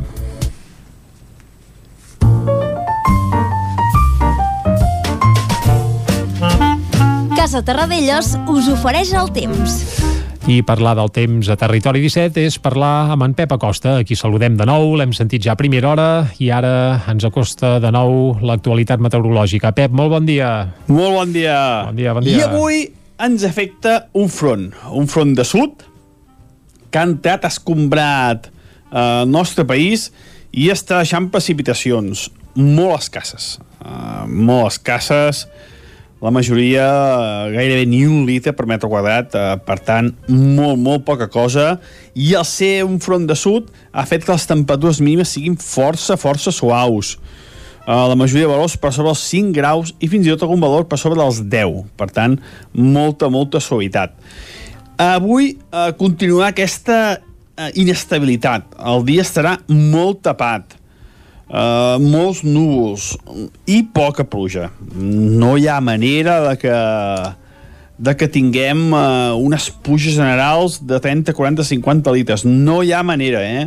Uh, són, són petites precipitacions inconexes, uh, poca cosa, gens continuades, i això no, no, no m'agrada gens. Però durant tot el dia d'avui tenim aquesta pos- possibilitat eh? de precipitacions, molt poca cosa, pluja de fang, pluja de fang, i és que els vents del sud seran els protagonistes, els protagonistes del dia d'avui.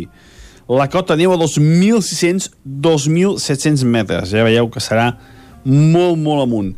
De cara a demà, els vents ja canviaran, seran més de nord i sí que s'emportaran aquest fang i la cota neu començarà a baixar. Però bueno, els mapes ballen molt, la situació és molt inestable, la primera ja ho té això, d'un dia a l'altre pot variar la, la informació molt, i l'únic que tinc clar és això d'avui, eh? el que tenim clars amb els del temps és que avui això eh, farà inestabilitat, vents de sud i pluja de fang, cota neu molt, molt amunt. I les temperatures màximes eh, molt semblants aquests últims dies. La majoria de valors entre els 18 i els 21-22 graus a tot estirar. Tot i que avui, com que farà menys sol, no hi haurà tanta sensació de calor. Mm, No de calor, eh? De, de, de suavitat, de molta suavitat. No hi haurà tanta, tanta sensació d'aquesta suavitat, ja que farà molt menys sol. I eh, els vents, els vents del sud, eh, del sud-sud-est, eh, seran una mica moderats a les zones de muntanya. I això és tot, a disfrutar el dia d'avui, eh, un dia molts núvols, amb vents de sud i amb molt poca pluja. Moltes gràcies, fins demà. Adéu. Vinga, moltes gràcies a tu, Pep. Salut. Nosaltres ara fem res, un breu parèntesi, mig minutet, i de seguida fem una mica de balanç de la Diada de Sant Jordi, aquí, a Territori 17. Fins ara. Casa Tarradellas us ha ofert aquest espai. Territori 17. Envia'ns les teves notes de veu per WhatsApp al 646 079 023. 646 079 023. WhatsApp Territori 17.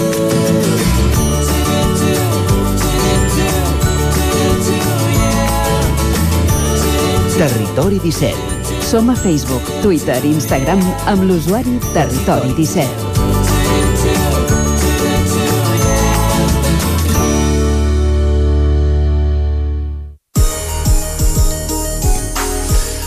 20 segons i serà un quart d'onze del matí. Seguim en directe aquí a Territori 17 i ara el que volem fer és fer una mica de balanç de la Diada de Sant Jordi.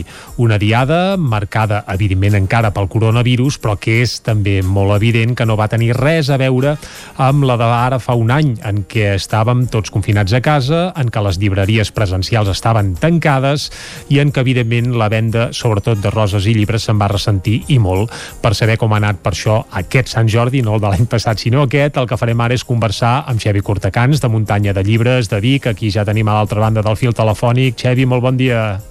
Molt bon dia, Jordi. Aquest Sant Jordi no va tenir res a veure amb el de l'any passat, oi?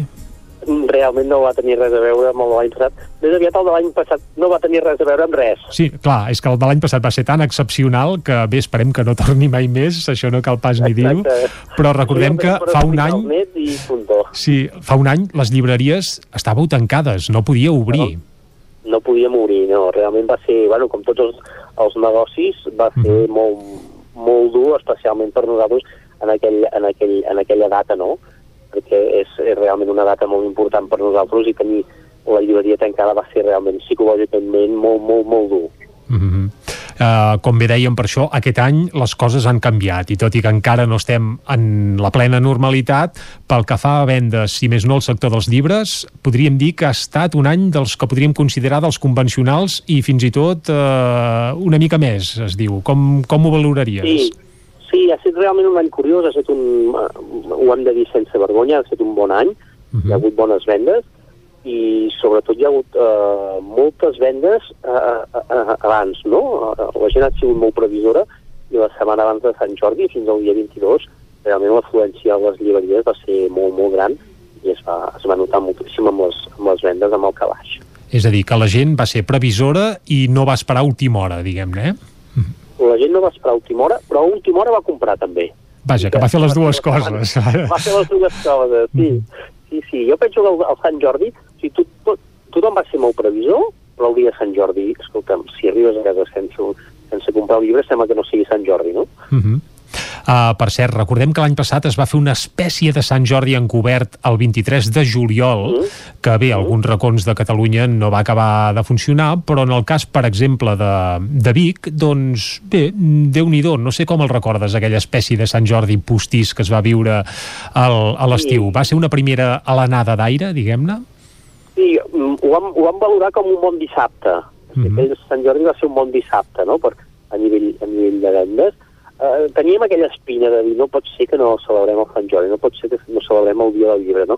I vam anar buscant, buscant, buscant, i finalment el 23 de juliol vam, vam poder fer això, no? La, més que el Sant Jordi, la, la, el dia del llibre, no?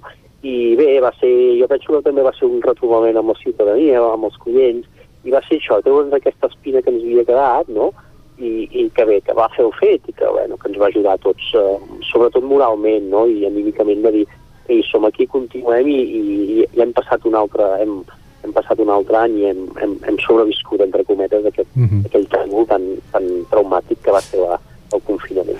Uh, es, vaja, uh, es diu que el confinament també ha servit perquè molta gent redescobreixi el plaer de la lectura, és a dir, que es llegeix més. Això ho heu notat, no només per Sant Jordi, sinó ja em refereixo als últims mesos, eh? És a dir, la gent mm. llegeix més i vol dir que compra més llibres, també?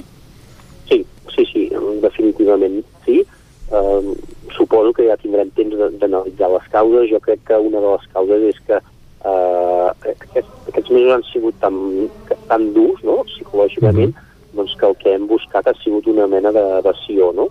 Segurament al principi vam, vam tirar molt de Netflix, Netflix i HBO tots, però després hem recuperat el, el ple de desconnectar de pantalla, de desconnectar de- de- de- d'ordinadors, eh, i re, redescobrir aquests moments de, de, de pau, no?, entre cometes, que ens dona la lectura de, llibre en paper, no?, i que, que fa que, que té aquesta atmosfera íntima, no?, Mm, individual, perquè això sí que la lectura és un, és una, és un, un plaer individual, i ha fet que, que la gent comprés més llibres, llegís més, i realment les llibreries estem vivint no un moment dolç, perquè amb el, amb el limitament d'aforaments doncs això es nota i, i tothom també està patint, no?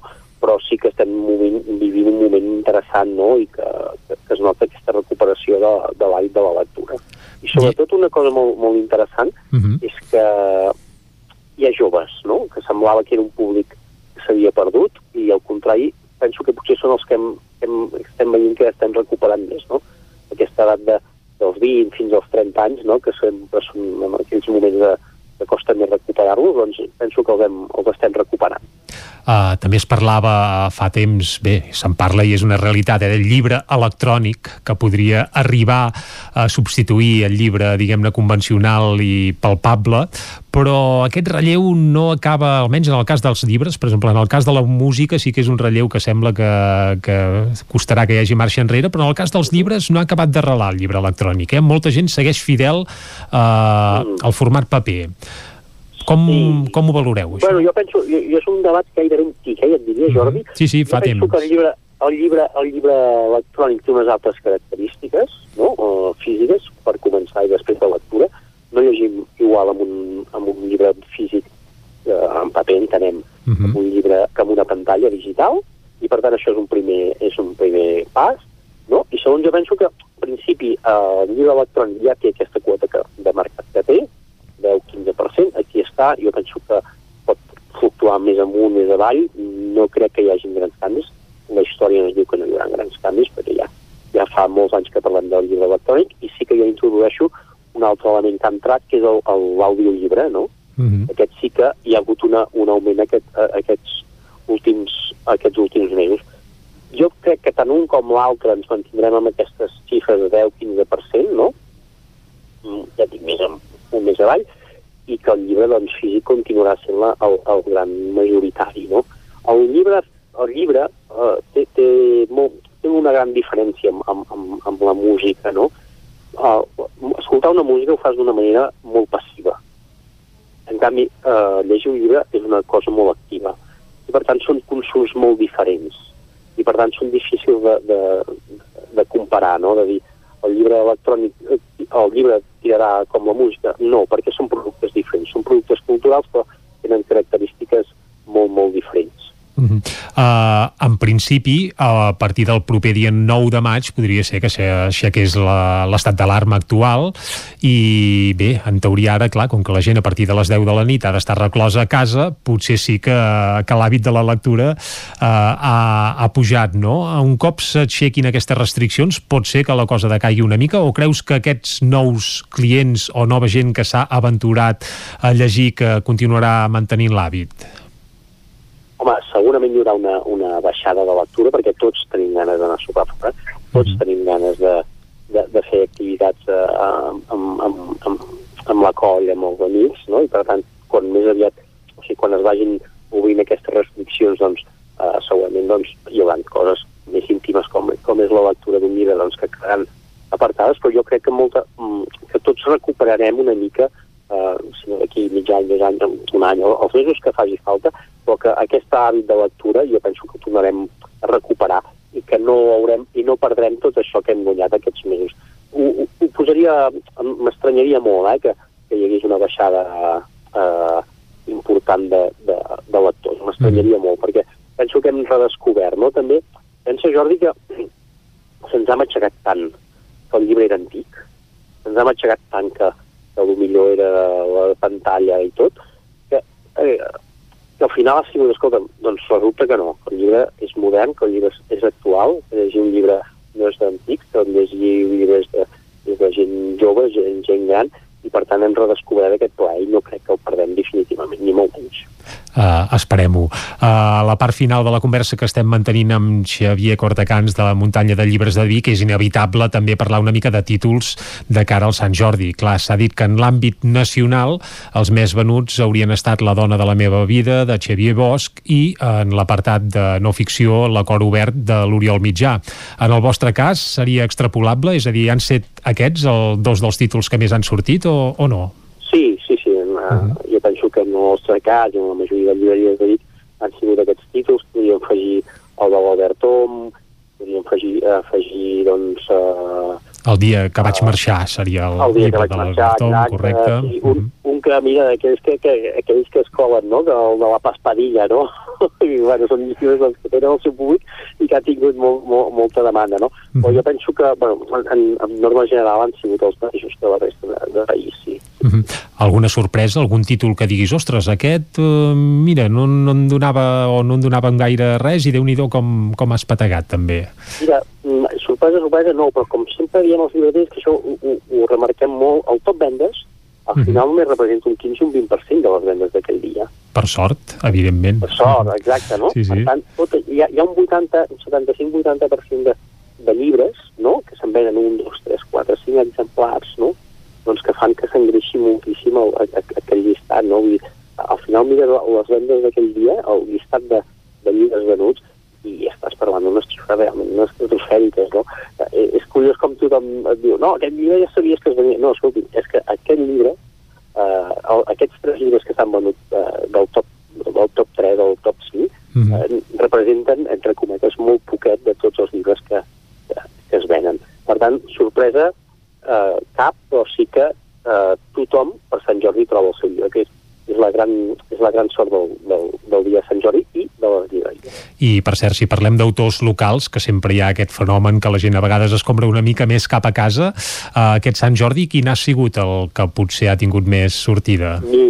El, en el nostre cas el de l'Erosellín, aquell aquell gol de, de la papallona, no? De, Uh -huh. Home, i vosaltres que sou especialistes en Sí, literatura de exacte. viatges i muntanya. I Mhm. muntanya, sí, sí, el vam tenir allà també firmant a la tarda i eh, és aquell és el llibre que, que, que hem tingut amb, amb més vendes.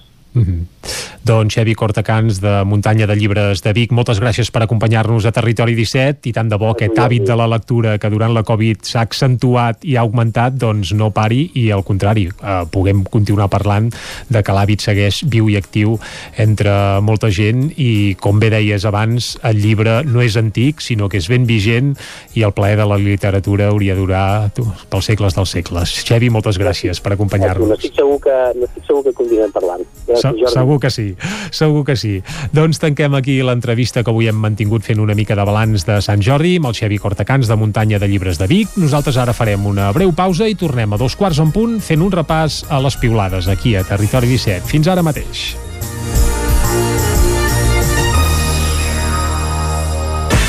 El nou FM, la ràdio de casa, al 92.8.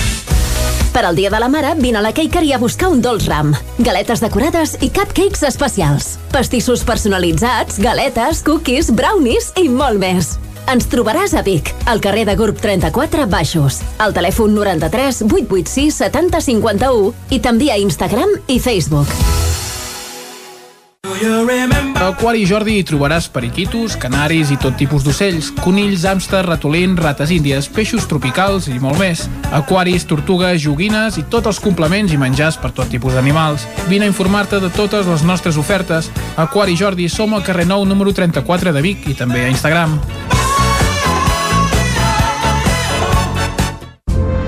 Fa més d'un any que hem de fer gestos difícils per aturar la pandèmia.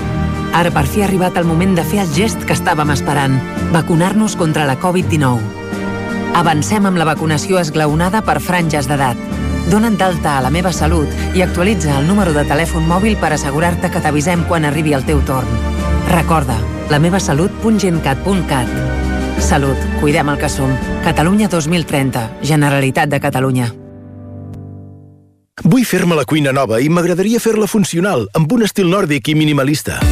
A Corretja trobem la cuina que millor s'adapta a tu. T'assessorem, dissenyem i instal·lem la teva cuina, fent un seguiment conjunt des de l'inici del projecte fins a la finalització del muntatge. 100% cuina, 100% Corretja. A més, a Corretja tenim tot el que necessites per renovar la teva llar. Materials per la construcció, revestiments, parquets, cuines, pintures, al carrer Mas Vigues 8 de Vic a corretja-sl.com o a Instagram. 100% materials per la construcció i la decoració. 100% Corretja.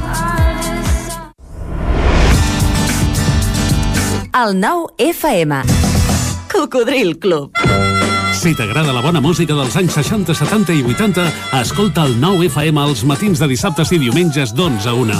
És el temps del Cocodril Club, tot un clàssic de la ràdio, amb les bases del pop-rock, les llegendes, les cançons que s'han convertit en autèntics himnes. Recorda, dissabtes i diumenges al matí, d'11 a 1, al 9 FM 92.8. Cocodril Club. El programa revival de l'Albert Malla. Hasta luego, cocodrilo. Pintures Xavi Soler. Tot en pintures. Façanes, obra nova, rehabilitacions interiors de vivenda, estucs, microciments, pintura industrial, motllures, terres vinílics... Pintures Xavi Soler. Ens agrada assessorar-vos i fer de casa vostra el millor lloc del món. Ens trobareu a Manlleu, al carrer Sogorb 113, telèfon 616 15 87 33 o 93 851 3504. Nou FM, el nou FM, el nou FM, el nou FM, el nou FM. Territori 17. Dos quarts d'onze del matí en punt, i això vol dir que som a l'equador ja del territori 17 d'avui dilluns dia 26 d'abril de 2021 i a l'equador del territori 17 el que ens toca és fer un cop d'ull a Twitter, a les piulades i per això ens acompanya l'Isaac Moreno. Isaac, molt bon dia. I bona hora, aquí estem. Uh, doncs vinga, ben trobats, ben tornats i ben de tot, eh? Uh, de què anem avui? Per on arrenquem al Twitter? Coses diverses de, del cap de setmana. Per exemple, Uh, Agustí Danés piolava divendres. Diu, hem recuperat el sol, Sant Jordi ha anat collonut, la vacunació avança, encara tenim opcions a la Lliga i avui també tornen a fer plats bruts. Això últim és el que més em sobta perquè em sonava que havia desaparegut aquest canal, però vaja. Ara sí que podem començar a dir, Al, que tot anirà bé. Ho tenim guanyat, això. Doncs una abraçada gegantina a l'Agustí Danés des d'aquí i bé, i a més va fer aquesta piulada abans de saber que l'Atlètic de Madrid va, va perdre amb l'Atlètic de Bilbao. Per tant, encara s'accentuaria i més el seu pronòstic optimista, si més no en la vessant futbolística. Uh, seguim. Jordi Vilarrodà diu d'estrena al Teatre Eliseu de Roda la història increïble, increïble de Jean León puja a l'escenari amb Fel Feixades i Pep Olet dirigits per Carla Xuriguera basada en la novel·la La força d'un destí de Martí Jornell. Farà un llarg camí, vaticina en Vilarrodà. Ens ho apuntem, ja si la cosa avança. Home, la història del Jean León, que vam repassar precisament aquí a Territori 17 la setmana passada, és espectacular. Per tant, només repassar la història d'aquest personatge, la veritat és que l'obra, si està a l'alçada del personatge, ha de ser una obra d'art, mai tan ben dit. Uh, seguim. Xavi Font, tenim dues pilades, les podem llegir totes dues. I tant. Diu, Sant Jordi és un dia fantàstic, però la sobreinformació que se'n fa em comença a agobiar. Bueno. Ara, pla. O diu, avui el meu fill fa 14 anys i entre nosaltres crec que les mesures de la pandèmia ens deixen que sigui petit durant un temps més del que seria en circumstàncies normals. Però no li digueu. Uh, fill de Xavi Font tapa les orelles. Exacte, no li direm. Va. Bé, en tot cas, ara deu ser a l'escola i segurament no ens escolta, eh? El seu fill. Segurament no. Segurament. Pep Acosta diu, m'encanta aquests mesos de l'any on veus gent amb anorac barrejada amb gent amb màniga i pantalons curts. Uh, val més no anar en gaires pantalons curts ni gaire màniga curta perquè el mateix Pep Acosta ja ens ha alertat que aquests propers dies seran mogullets. Molt bé. Guillem Freixa piolava ahir, avui ha tocat pedalar per una bona causa, cursa solidària virtual mouta per l'esclerosi múltiple de la Fundació Esclerosi Múltiple. I veiem la fotografia de la samarreta amb la bicicleta. Molt bé. Uh, Jordi Vilarrodà, piolava ahir, diu, sentit aquest migdia, grup de joves en una terrassa de Vic, anem a Folguer? Entre parèntesi posa ell, Folgueroles. I què hi anem a fer a Folguer? De tranquis, allà, m'he perdut el lloc, diu en Vilarrodà. Ostres, ha, el Folguer, ara pla. I han marxat, se suposa que cap a Folguer, i tranquis. uh, el millor és la resposta d'en Pep Poblet, per això, eh? Què diu, què diu? Diu, a Folguer a llegir una mica de Verdi. Ah, bé, sí, sí. Era músic, per això, en Verdi, no? Sí, n'hi havia ah, un que sí, que va fer la ida entre d'altres peces, però suposo que es referien a l'il·lustre Jacint Verdaguer, en Verdi, pels amics. Sí, sí. Molt bé. Ramon Besa, com sempre, reviolava ahir el resultat al final del partit del Voltregà 3, Lleida 3. Diu, aprendre a jugar aquests partits farà que aquest equip doni un salt de qualitat encara més gran del que ens ha ofert aquesta temporada per sorpresa dels porucs com jo. Sempre agraïts, Club Patí Voltregà. No ha tingut la mateixa sort el Club Patí Vic, que ha certificat el seu descens aquest cap de setmana després de 30 anys consecutius a l'elit de l'hoquei Lliga. Però vaja, això en parlarem més endavant. Seguim. Josep Lluís Garcia diu Pablo Iglesias i Íñigo Errejón són de llarg els talents més grans que ha donat la política espanyola en els darrers anys i els més desaprofitats. I li respon Ferran La Torre, alpinista, que diu, és cert. I un altre debat que s'ha produït aquest cap de setmana a Twitter m'ha fet molta gràcia. Eh, la Bel Paraire comparteix el tetrabric de Llet Nostra, on surt que està envasat a SS, que dedueix que és a Sant Sebastià. Sant Sebastià a Euskadi, eh? Diu, soc molt curtot, però algú em sabria explicar això? Envasada a Sant Sebastià i és de cooperatives catalanes i aquí pots imaginar que eh, hi ha un, un seguit de reaccions de piolades, mm. algunes amb més encert que d'altres, dedueixo. Algunes apunten fins i tot que llet nostra ara envasaria a, a la planta de Pasqual de Gurb, d'altres diuen que, que, que ja del seu naixement ve de matriu basca i té tota la lògica del món que, que vingui de Sant Sebastià, però en fi, que el debat és, és curiós i divertit. Bé, el que està clar és que ja no en basa a la planta que tenia Vic perquè aquesta planta està tancada. Sí, però això va ser un, capi, un episodi molt curt, em sembla, la seva història, perquè aquesta planta també ja va obrir quan ja portaven una trajectòria i tot plegat. En fi, és igual. Capítol llet nostra banda, anem a repassar portades. Vinga, repassem portades del 99.cat. Comencem per la vermella o la verda. Vermell, Osona i el Ripollès, l'ACA crearà quatre noves depuradores en 4 anys. Polèmica a Camprodon per l'expropiació de Can Pascal. Uh, també Instaquim disposa de dos nous productes amb etiqueta ecològica i comença la segona fase de les obres del polígon de Manlleu. Carreguem la portada verda. Dispositiu policial a Canovelles per evitar la presència de manters al mercat. Una vintena d'entitats creen una taula comunitària de final de vida i soledat al Vallès Oriental.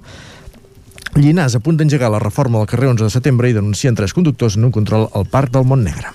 Doncs moltes gràcies, Isaac, per aquest repàs. Nosaltres seguim aquí a Territori 17 i anem ara a la taula de redacció.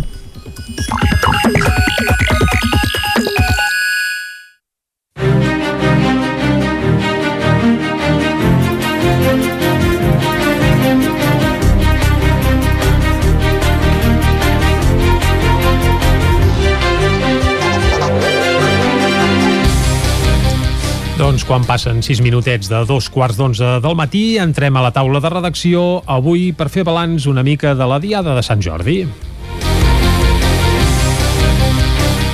Doncs fa una estona parlàvem amb Xevi Cortacans, llibreter de muntanya de llibres, fent balanç des de la vessant, evidentment, dels professionals que es dediquen a vendre llibres, professionals que sí que van poder posar parades a l'exterior dels seus establiments, també a la plaça Major de Vic. En canvi, qui no va poder posar parades a la plaça Major de Vic van ser, per exemple, les associacions i entitats que, evidentment, l'any passat no, però fa un parell d'anys i de tota la vida, doncs sí que ho havien fet i això els permetria, evidentment, fer calaix per mantenir la seva activitat durant pràcticament tot el curs. Uh, Isaac Moreno, aquest any no hi havia parades d'entitats i associacions per Sant Jordi, almenys a, a Vic, eh? Uh, amb un matís, és a dir, és una, evidentment és una de les coses polèmiques del Sant Jordi a Vic, mm -hmm. sí que hi havia les entitats del tercer sector, per exemple, eh? l'ATFO, Sant Tomàs, Aixes, el Tupí, el FIL, l'Associació de Familiars de Malalts Mentals d'Osona, aquestes sí que hi eren, les, les entitats socials, les que no hi eren eren les de caire, diguéssim, més polític, per posar un exemple exemple eh, Òmnium, eh, RAN eh, i aquest seguit de- d'entitats, de, diguéssim, com dèiem, de caire més político-cultural, Bé, o que cada any associacions exacte culturals, o fins i tot d'escolars, pel Correcte. viatge de fi de curs, etc etc. Sí, sí. es va, es va considerar que només hi havien d'haver les parades de, de professionals del sector i sí que es va obrir aquesta, aquesta escletxa cap a les entitats socials, algunes de les quals no els hi va malament, si no em consta, si no em consta malament, per exemple l'Atfo al migdia ja havia venut tots els seus productes i a la tarda ja no uh, i avui ja i no Bé, i, i com bé deies, escolta, productes, roses a mitja tarda era gairebé impossible trobar una rosa, Correcte. no només a Vic, sinó tot el territori 17, eh? això, va va, ser això ho vam, viure, ho espectacular. vam viure en directe per al Nou TV el, el torn de tarda que, uh, que la Maria Costa buscava una florista per entrevistar per parlar de com estava anant la venda de roses i ja va trobar que la desmuntaven la parada. Sí, va trobar un drac ja només, perquè de roses ja no en quedava cap, eh? Correcte. I això mateix va passar també a Berga, ho recordem, i a Manresa. Per Correcte. tant, no va ser una, bé, una exclusiva de la capital d'Osona. Sí, sí. Aquí hi ha dues qüestions. O van ser pre poc previsores les floristes a l'hora d'encarregar roses, o ves que alguna ros no queda desencallada al canal de Suez en aquell... Us en recordeu d'aquell buc? Oh, va- és veritat. Sí. Ah, ah, ah, com Però que vols dir que passen per allà, les roses? No Perquè sé per diuen on que passen. moltes venen de Sud-amèrica, en teoria Correcte. travessarien l'Atlàntic i per l'estret de Gibraltar. Però com que ho va bloquejar tot, allò vés a saber. sí, sí, no, a vegades. Bé, bé, és complicat, sí, sí. I m'acabo de llançar a la piscina, eh, sense cap mena. Sí, però vaja, tant és uh, alegria i, i ja està bé posar-hi una mica d'humor i imaginació també a tot plegat, sí. No, doncs el que dèiem, eh, el Sant Jordi en general, tret d'aquest eh, aquesta anècdota, diguéssim, aquesta polèmica per les parades que no van poder-hi ser, eh, a Vic en general, doncs va funcionar bé, eh, es notava, tothom percep aquestes ganes de, de sortir, d'intentar anar recuperant certs aspectes de l'antiga normalitat, diguéssim, després d'aquest any de, de pandèmia, després d'un Sant Jordi que no es va poder celebrar, hi havia ganes doncs, de, de sortir al carrer de, de Sant Jordi, de, evidentment amb mesures, diguéssim, per poder tocar llibres, poder comprar la rosa, poder celebrar en certa manera aquesta de festa. I això s'ha vist, doncs, diguéssim, a, a les diferents localitats, perquè per, poc o molt Sant Jordi s'ha celebrat a, a tot arreu, amb són testimonis del que va passar a Vic, però també, per exemple, a Manlleu i a Torelló on es van organitzar activitats diverses, diguéssim, per commemorar aquesta, aquesta celebració. I també un altre de les, dels accents que ens deixa el Sant Jordi sempre és allò del rànquing dels llibres més venuts i a Osona un dels que va fer forat, per exemple, és el d'un autosonenc, com és l'Albert Tom, que aquest any publicava el dia que vaig marxar i que estava doncs, entre els més demanats a les llibreries de la comarca. Molt bé. Doncs, Isaac, moltes gràcies per aquest repasset a Sant Jordi, que amb vaixells encallats o no hem fet aquí a Territori 17. No hi ha de què. I d'aquesta manera tancarem avui la taula de redacció i el que farem ara mateix és anar a repassar com els ha anat el cap de setmana esportivament els equips del nostre territori. I això ho farem de seguida.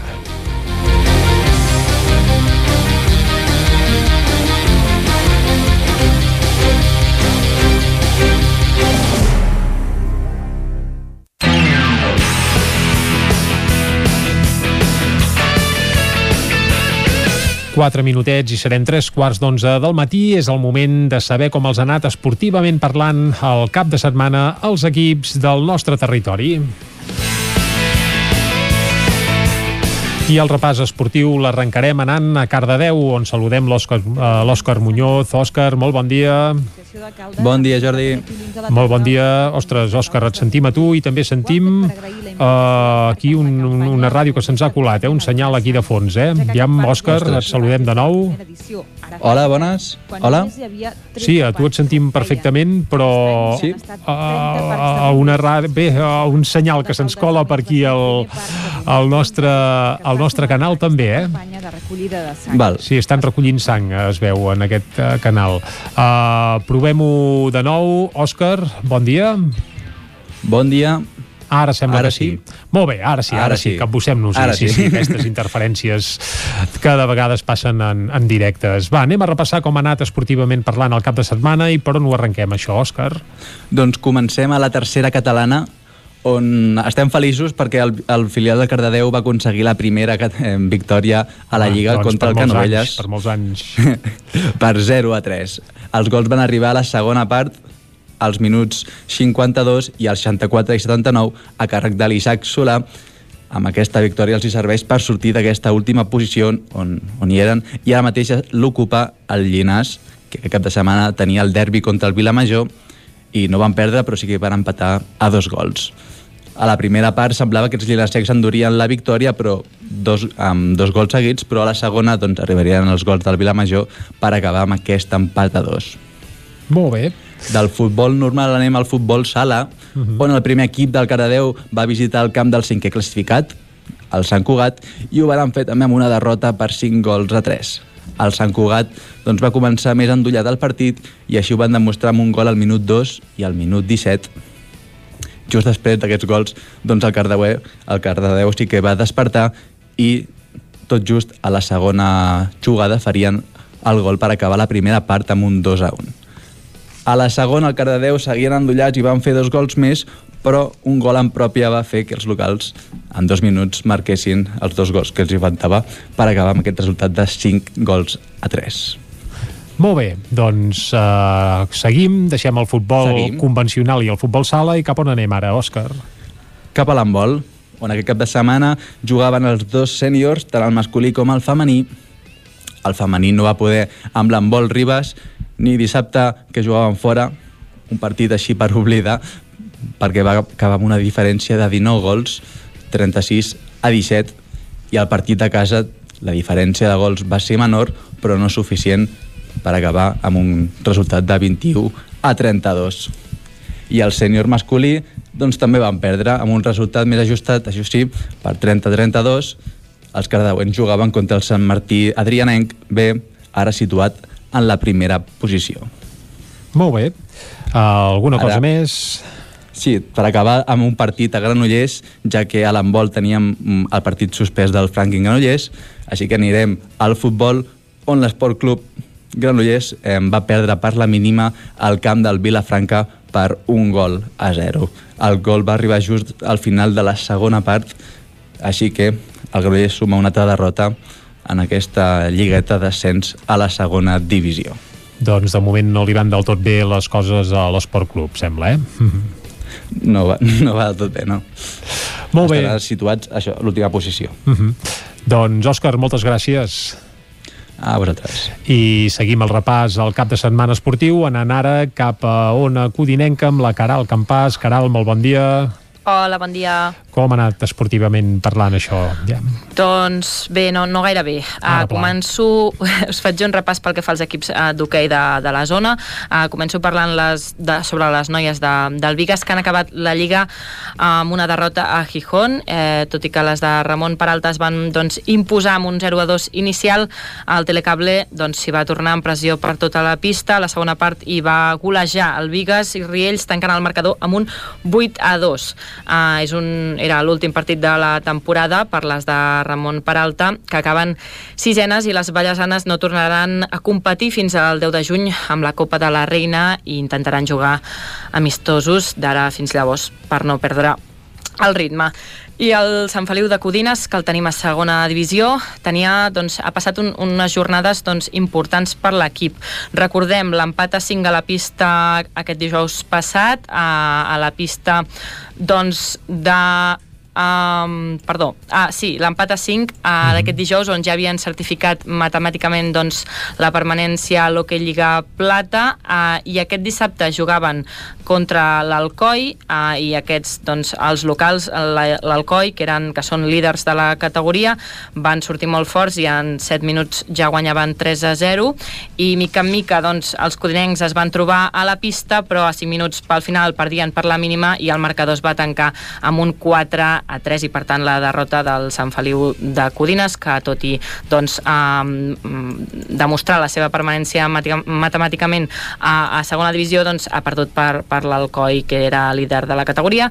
I acabo recordant que el rec amb les arcaldes que el tenim a primera divisió no va disputar uh, aquest cap de setmana i amb aquest ja van dos partits ajornats. El primer fa dues setmanes per un positiu al cos tècnic de- d'alcaldes i el segon doncs, aquest cap de setmana per un positiu al Lloret que, que era el que havia de ser el seu equip rival. Recordem que Alcaldes està número 4 a la classificació amb 54 punts però que no és una una posició real doncs, per aquests dos partits ajornats. I acabo comentant-vos que la Europe Cup, la segona competició continental on participa el rec amb les arcaldes, eh, que estava fixada entre el 30 d'abril i el 2 de maig, ha estat posposada els dies 18, 19 i 20 de juny. Eh, ha sigut una decisió consensuada amb, entre els set clubs que participen en una final a 7 encara sense seu, i la federació ha determinat doncs, l'ajornament per garantir una major assistència de públic eh, i és que serà el cap de setmana posterior a la Copa del Rei i pensen doncs, que hi podrà assistir més públic en aquesta doncs, Europe Cup que es disputarà els dies, com deia, 18, 19 i 20 de juny. Molt bé, doncs moltes gràcies, Caral, per aquest repàs esportiu al cap de setmana i anem ara cap al Ripollès amb l'Isaac Muntades. Isaac, molt bon dia. Molt bon dia, Jordi. Com anem? Bé? Va anar bé el cap Sí, de setmana sí. esportivament parlant, eh? Em refereixo. Uh, doncs no gaire bé, la veritat. No gaire bé, hi ha bastants uh, empats, uh, alguna derrota també, però si et sembla anirem pel que sí que va anar bé, que va ser, que va ser un cap de setmana de ciclisme i trial al, al Ripollès, perquè es va celebrar doncs, la Copa Catalana de Bicitrial a Ripoll aquest diumenge, que va comptar amb més de 170 esportistes, per tant, una molt bona participació a la zona de, del costat del pavelló de la Vallaneda, que hi ha un complex allà doncs, amb elements naturals com pedres i obstacles de tot tipus per poder practicar aquesta competició.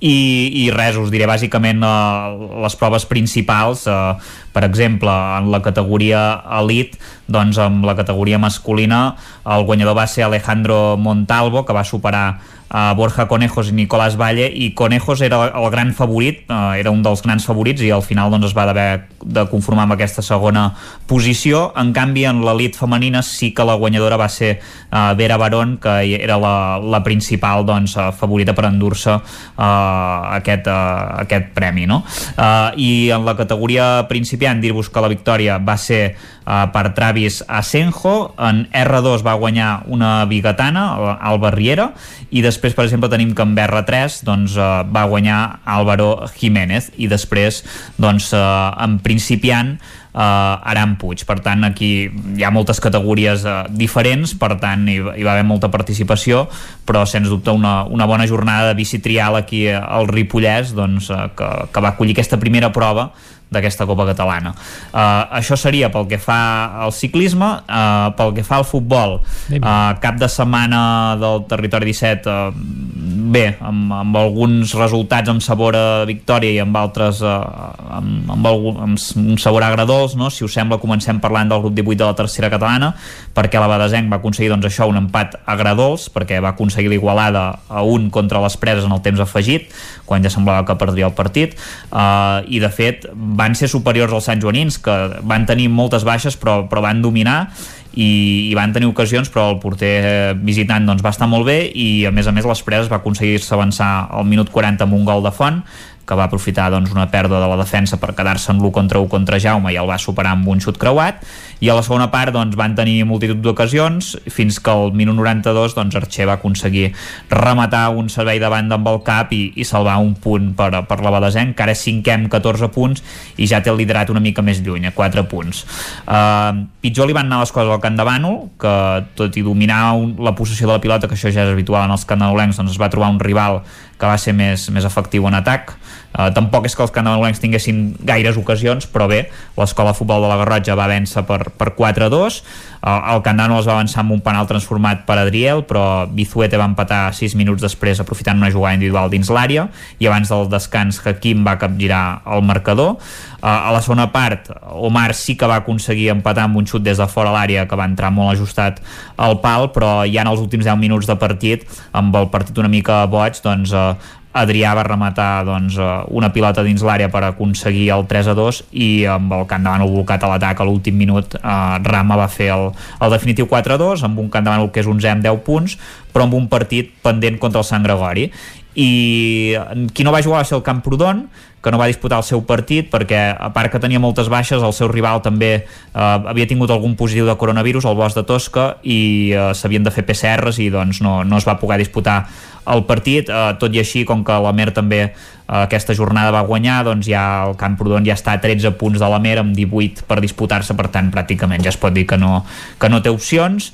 I, i pel que fa a l'hoquei eh, el grup A de la primera catalana mm, resultat meritori però, però insuficient per al Ripoll que va ser capaç d'empatar a 5 a la pista del Voltregà C que és el líder de la Lliga a la primera part es va acabar amb 3 a 2 i quan anàvem 5 a, 5 a 4 doncs al, al final, a dos minuts pel final doncs el Ripoll sí que va aconseguir empatar amb un triplet d'Enric, un gol de Jaume i un, i un de Roger, i encara té alguna mínima opció d'accedir a la fase 2 del grup 1, però necessitaria una carambola bastant important, que és que primer ha de guanyar el Gaiac B, que és el segon classificat, per tant després del líder li toca enfrontar-se al segon, eh, complicat, el calendari, i a més a més ha d'esperar que el Cassanenc perdi els dos partits que li queden, que, que en té un d'endarrerit, no? l'equip de Caçà de la Selva, per tant el Ripoll ho té complicat, ara té 10 punts i, i podria acabar aquesta primera fase amb 13 i també empat a Gradols a la primera nacional de futbol sala. Aquest ho és molt més de l'escola de futbol sala Ripoll Servicat que va empatar a la pista del padre Damián.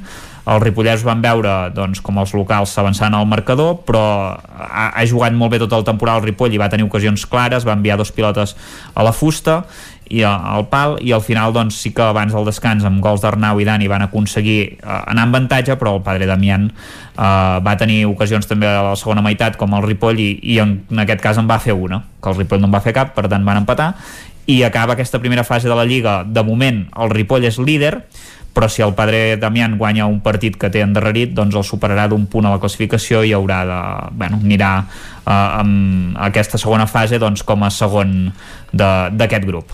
Molt bé, doncs Isaac, moltes gràcies per aquest repàs a vosaltres. esportiu al Ripollès i del Ripollès baixem cap a Osona i comentem la jugada amb l'Ester Rovira. Ester, bon molt bon dia. dia. Uh, hem de començar per una molt mala notícia que tampoc vol dir que no fos esperada, eh? perquè ens hem d'enganyar que és el descens del Club Pativic, que ara ja és 100% oficial, i Oficial. confirmadíssim. Eh? Sí, ho anàvem explicant cada setmana, no? que, que cada setmana s'anaven esgotant uh, més les opcions.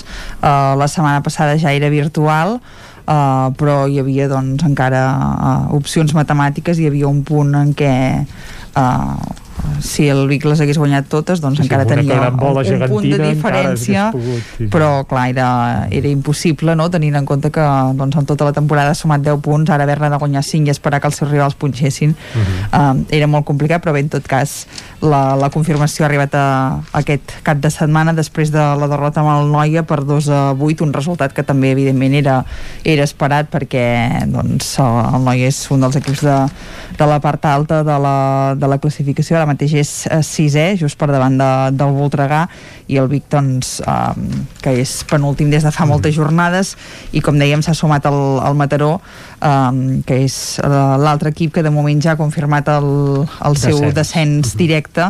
Uh, queden dues places de descens directe i dues de play-out, per tant encara hi ha molt en joc en aquesta competició però bé, la notícia com deies és aquesta que el Club Pativic després de 30 anys i 31 temporades, que sempre hi ha un any de decalatge entre les temporades i els anys, eh, doncs després de 31 temporades consecutives a la màxima competició estatal de l'hoquei patins, doncs jugarà a la a l'hoquei Lliga Plata la temporada, la temporada que ve, Mhm. després d'un curs on eh, també és cert que no els ha acompanyat la sort en, en les baixes, han tingut moltes jornades baixes de, de jugadors importants, com Jacel Oller, com Tirso Gómez, um, com, com David Montero, uh, han hagut d'agafar molt protagonisme els joves, alguns que ja començaven a tenir minuts a la categoria, d'altres que no, d'altres que, que són molt, molt joves, i això, doncs, sumat a la, a la mala dinàmica que ja portaven de, de l'any passat, però també d'anys enrere, no?, perquè Clar, la que aquí hi situació ha una econòmica... crisi que no és només l'esportiva, sinó que hi ha l'econòmica situació, del club en general. la situació eh? econòmica de, del club derivada doncs, de, de, de, diversos, de diversos temes, no? perquè hi ha hagut doncs, um, uh, Bé, un concurs de creditors fa un parell d'anys, pel mig. hi ha hagut denúncies uh, hi ha hagut processos judicials uh, uh, amb acusacions de mala gestió amb, amb juntes anteriors um, demandes d'exjugadors de la Seguretat Social uh, són molts els, els, Els les carpetes i els entrebancs que- capítols sí, que sí, tenia oberts però en tot cas uh, tot plegat el que ha provocat doncs, va ser una davallada de socis de, del club uh, perquè doncs, la, la gestió que s'havia fet uh, no era viable uh, es va haver de, de demanar doncs, això més aportació als socis a través d'un concurs de creditors. Molts es van donar de, de baixa i això va fer doncs, que s'hagués de reduir el pressupost del primer equip que durant molts, molts anys havia estat altíssim i per tant això és el que ha permès també al club aconseguir molts títols en aquests 30 anys. Um, i bé, a partir d'aquí doncs uh, el declivi s'ha anat sumant una cosa a l'altra i, i som aquí, no? Que, Doncs bé, tant de bo que aquest pas enrere serveixi per fer-ne uns quants endavant a partir de la temporada que ve. Sí, molts clubs s'hi han, han trobat en I algun tant. moment o altre de la seva història. En el cas del Pativic tampoc no és la primera vegada que, que baixen, per tant, doncs això, agafar impuls i mirar de, de tornar a pujar. Aquesta és una de les notícies de la setmana. Uh L'altra és la, la derrota també, aquesta ja molt previsible, del Taradell en la seva visita al Palau Blaugrana, golejada per 13 a 1. El potencial ofensiu de, El del Barça. d'escàndol per això, eh? Sí, davant de, del Taradell doncs deixa poc explicar més de, del partit. I el que sí que és uh, més noticiable és el bon punt que va aconseguir el Voltregà ahir a casa um, contra el Lleida, amb qui va empatar 3 gols. Uh, més que res perquè l'equip tenia les baixes d'Arnau Canal i d'Eric Vargas de Canal per acumulació de targetes i de Vargas que estava uh, lesionat, també tenia tocat uh, Marc Palazón, per tant meritori aquest uh, empat de, del Voltregà que a més a més tornava a guanyar uh, després de dues derrotes consecutives contra el Caldes i contra el Reus, que també són equips de la part alta i clar, uh, sent a Lleida doncs uh, podia també, que és un altre dels equips que estan en aquesta zona alta amb, aquests dos uh, conjunts doncs uh, podria haver tenint en compte totes aquestes baixes complicat molt la situació i per tant el punt és, és molt bo en el cas de l'hoquei Lliga Plata, destacar que el Manlleu va fer els deures, va golejar el Holaceta eh, per 8 a 1 dissabte al vespre a casa i s'acosta a l'esperat ascens. Eh, esperem que aquesta vegada sigui de veritat, eh, perquè els últims anys, doncs, a vegades, a les últimes jornades, sí, l'equip ha, ha punxat. Ara ho té molt a tocar perquè queda només una jornada de competició que es disputarà d'aquí 15 dies i només els falta un punt, per tant, empatant en tenen, en tenen de sobres um, veurem si, si el Manlleu és capaç de, de fer-ho. Uh, per mèrits de l'equip no serà uh, i fa anys que ho busquen i ho treballen per tant també uh, seria merescut per aquests jugadors tan joves que té el, el club i amb, amb tanta qualitat i tant talent que fa temps que destaquen en, en seleccions i, i evidentment també en el, en el Manlleu. Tant de bo l'any vinent, ja que no hi tindrem el Vic i puguem tenir el Manlleu que n'hi continuï havent tres d'usonencs eh? en el cas de l'hoquei Lliga femenina eh, el Manlleu eh, s'enfrontava al Palau i hem de dir que per segona vegada aquesta temporada no va ser capaç de superar-les com a l'anada Uh, allà el partit va ser molt igualat i es va acabar decidint per 2 a 3 allà va ser per 4 a 3 per tant també molt ajustat uh -huh. però bé el Palau que està uh, doncs una passa per davant de, del Manlleu sobretot en l'aspecte uh, golejador Uh, per exemple, van, van, dos dels gols els van fer de jugades a bola aturada i per tant molt més encert que no passa al Montlleu en les que va uh, tenir però bé, era un partit en què com a molt el Manlleu jugava acabar, acabar segon o tercer, segurament serà tercer perquè el Gijón juga aquesta setmana contra el Sant Cugat uh, i l'únic que canviarà és que tindrà el favor pista el factor pista a favor o no en el play-off que és el millor de tres partits. I el Voltregà va fer els deures també va guanyar les Rozes per 2 a 3 que és el que havia de fer si volia mantenir les opcions de cada quart i entrar en aquest play-off pel títol però també està pendent uh, de veure què farà en el seu cas el Cerdanyola contra el Sant Cugat perquè el Sant Cugat ha estat estat uh, confinat i ara sortirà ja de jugar dos partits. Uh, el Cerdanyola i el Voltregà es disputen l'última plaça en joc Uh, el que passa és que el Cerdanyola està obligat a, a guanyar, un empat no li val i per tant també tindrà pressió, que és una mica el que també va tenir el Voltregà um, doncs, en aquest partit a les Rozes. I acabem Deixem l'hoquei, un repàs sí, ràpid al futbol el derbi que uh, sempre ho diem cada setmana la primera catalana és una categoria molts derbis usonencs aquest cap de setmana però era el clàssic, el derbi dels derbis uh, un Manlleu-Vic um, que hem de dir que, que va ser un partit molt igualat on les defenses van ser les protagonistes del partit i que va acabar amb 0 a 0 um, això pot uh, voler dir també doncs que potser va faltar-hi l'emoció i la salsa que suposen els gols, sobretot per l'afició, però bé uh, repartiment de punts. segur que si ho, pregunta, segur preguntes als entrenadors et diran que estan contents no? amb, sí. amb haver aconseguit un punt cada un. Per tant, doncs això, aquest empat a 0 entre, entre el Manlleu i el Vic. El Vic primer va empatar a casa amb el líder amb l'escala, uh, un a un um, i va tenir fins i tot opcions de guanyar-lo en el tram final, per tant, bon partit dels de Santa Eulàlia i el Tona uh, va guanyar a casa el Palamós per 3 a 2 amb un nou gol d'Ale que li va donar la victòria al minut 94 de, de partit Carai, això és, uh, I, ja no el temps afegit, sí, és gairebé més. Ja, més i tot eh? I, i a més a més hem de dir que remuntant perquè el Palamós guanyava 0-2 a la primera part, per tant bona victòria del Tona que és segon a un punt de l'escala, que és el líder d'aquest subgrup UA de la primera catalana i això seria el més destacat uh, d'aquest cap de setmana esportiu. Doncs Esther, moltes gràcies que per acostar-nos l'actualitat esportiva a la comarca d'Osona. Nosaltres ara el que farem és acostar-vos de nou l'actualitat general informativa de casa nostra, ja ho sabeu, de les comarques del Ripollès, Osona, el Moianès i el Vallès Oriental. Territori 17, amb Vicenç Vigues i Jordi Sunyer.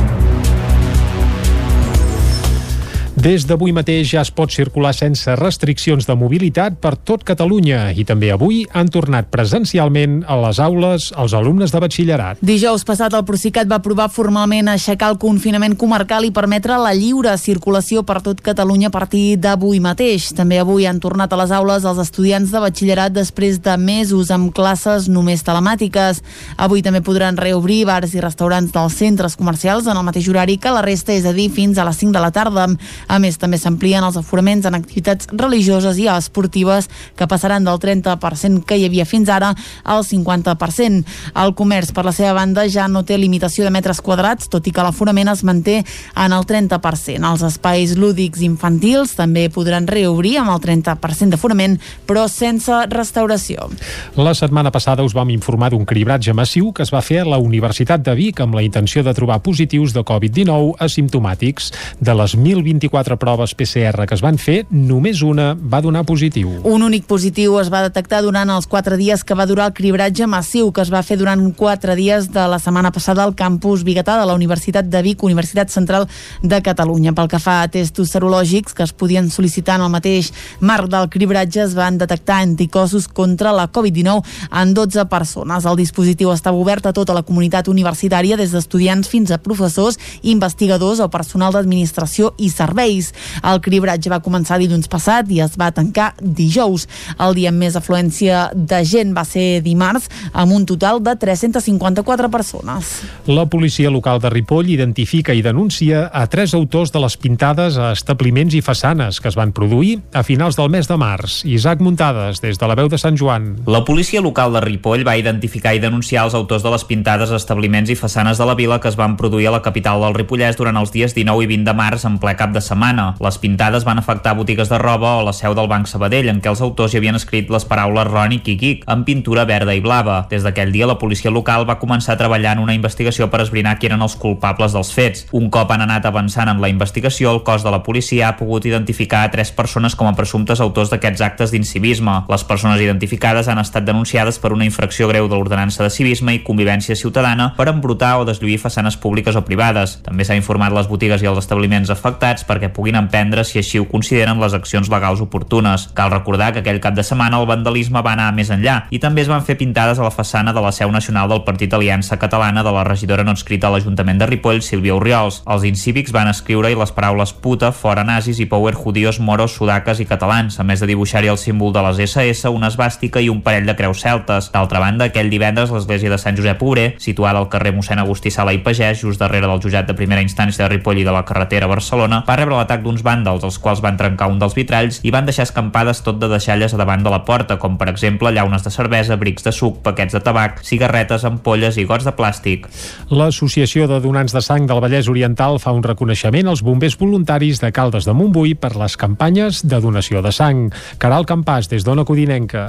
Representants de l'Associació de Donants de Sang del Vallès Oriental i de l'Associació de Caldes van visitar aquesta setmana passada el Parc de Bombers de Caldes. Ho van fer per agrair la implicació del parc en la campanya Els bombers t'acompanyen a donar sang, ja que aquest parc ja ha participat des de la primera edició, ara fa 7 anys, quan només hi havia 13 parcs que hi participaven. Aquest any ja han estat 30 parcs de bombers els que s'hi han sumat. El de Caldes, a més, va ser el primer parc de bombers voluntaris que es va sumar a aquesta campanya de recollida de sang. Escoltem Assumpta Lleonard, presidenta de l'Associació de Donants de Sang del Vallès Oriental, i Jordi Soler, cap de bombers del Parc de Bombers Voluntaris, per aquest ordre. Sobretot va molt bé per compensar moments en què les reserves de sang poden haver disminuït pel que sigui, per vacances, per eh, qüestions meteorològiques, pel que sigui. No, no, que l'agraïment és mutu perquè a veure, nosaltres aquesta campanya de bombers amb cor eh, nosaltres no només fem doncs, intentem engrescar la gent, fem activitats paral·leles perquè la gent vingui a donar, però la infraestructura i tot és, eh, el mèrit és, és de, del banc de sang i teixits. Nosaltres això només ho fornim una mica per fer-ho, fem el folklore perquè quedi més maco i per convidar la gent que vingui. En agraïment a la tasca feta, els representants de l'Associació de Donants van regalar als bombers unes tasses commemoratives d'aquesta fita. L'última edició d'aquesta campanya a Caldes es va fer el primer cap de setmana de març i van assistir 70 donants que van poder fer 62 donacions efectives, convertint-se en l'edició a Caldes que ha registrat més donacions en el marc d'aquesta campanya. La presidenta de l'Associació de Donants del Vallès Oriental també va aprofitar la jornada d'agraïment per fer una crida a captar noves donacions perquè, segons va dir, ara mateix les reserves no es troben en un nivell òptim. El Banc de Sang i Teixits permet veure des del web on hi ha les recollides de sang més properes. Ares Molins presenta l'exposició com els ulls que no es poden veure l'un a l'altre, una mostra de més de 60 fotografies amb lones de gran format. David Auladell, de Ràdio Televisió, Cardedeu. La mostra neix en el marc del 20è aniversari de la divisió de l'edifici de l'antic Institut de Cardedeu en dos centres independents, l'Institut Arquitecte Manuel Raspall, que compleix 40 anys, i l'Institut El Suïc, en fa 20. L'exposició està formada per 33 fotografies i les seves oposades, en forma de díptic, ubicades a una banda i a l'altra del mur que separa l'Institut Manuel Raspall i l'Institut El Suí, en un joc que remet a la dualitat de l'edifici. Segons l'artista Ares Molins, aquest joc permet establir un diàleg entre els dos instituts i una connexió directa, amb la voluntat d'activar en l'espectador la necessitat de saber què hi ha a l'altre costat del mur o directament imaginar què hi ha a la imatge oposada. Totes les fotografies van ser realitzades durant el curs 2018-2019 als dos instituts, gràcies a la complicitat de l'alumnat i a les direccions dels dos centres. La mostra ha estat oberta a la ciutadania tot el cap de setmana i es pot visitar encara durant els dies de classe als instituts. I fins aquí el butlletí informatiu de les 11 que us hem ofert amb Clàudia Dinarès, David Auladell, Caral Campàs i Isaac Muntades. Ara, abans d'anar cap als solidaris, amb Eloi Puigferrer farem una nova ullada al temps.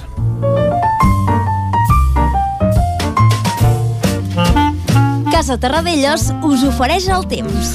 El dia s'ha llevat tapat i no sé com seguirà. Pep Acosta, bon dia de nou. Molt bon dia.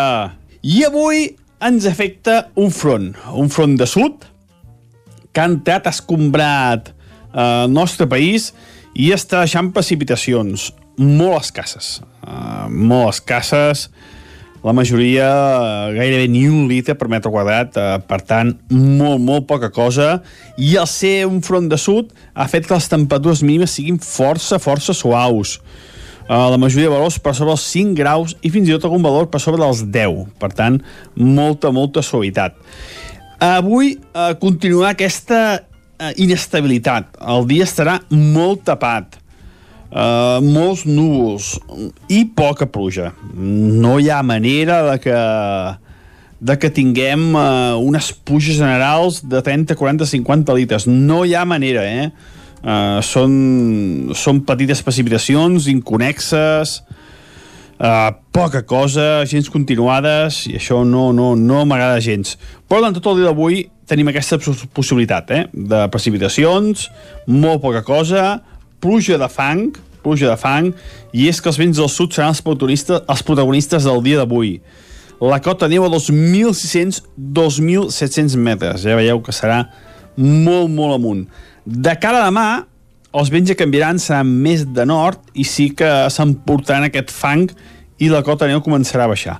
Però bueno, els mapes ballen molt, la situació és molt inestable, uh, la primera ja ho té això, d'un dia a l'altre pot variar la, la informació molt, i l'únic que tinc clar és això d'avui, eh? el que tenim clars amb el temps és que avui això uh, farà inestabilitat, vents de sud i pluja de fang, cota neu molt, molt amunt.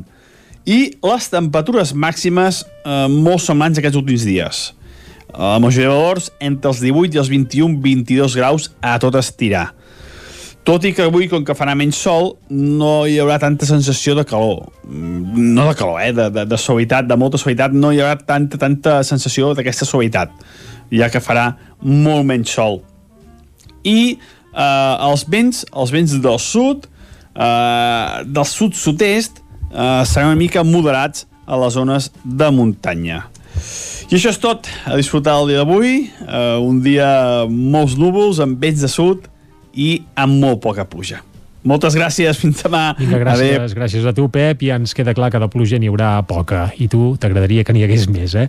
Bé, tanquem aquí el bloc meteorològic. Anem ara cap als solidaris amb Eloi Puigferrer. Casa Tarradellas us ha ofert aquest espai.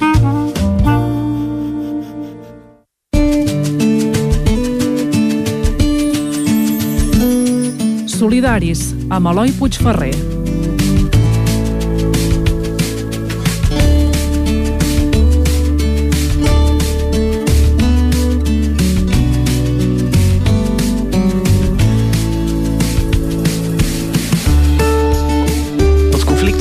són problemes que, per desgràcia, no només es pateixen i els viuen les persones que es troben als epicentres dels combats i els tirotejos, ja que s'expandeixen i arriben a molts més racons del món.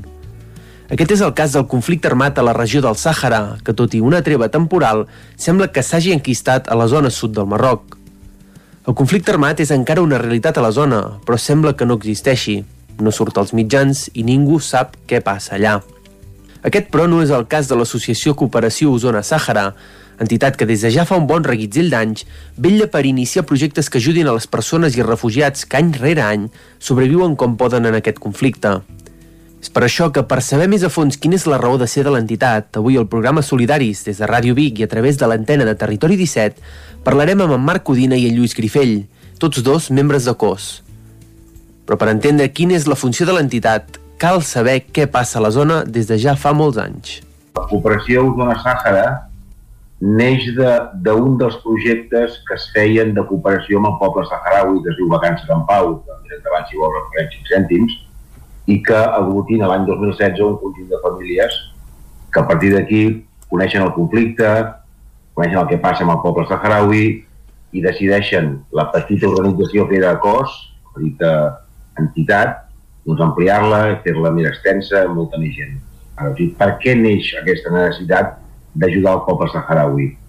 I això és un conflicte que ve de molt temps, porta 46 anys, 45 anys porta enquistat, i el 1998 es firmen els, el, un el alto al foc, un alto al foc, on eh, es diu que Nacions Unides vetllarà per la realització del famós referèndum que s'havia de fer l'any 75, fins que el govern marroquí va atacar aquests civils saharauis amb el seu exèrcit.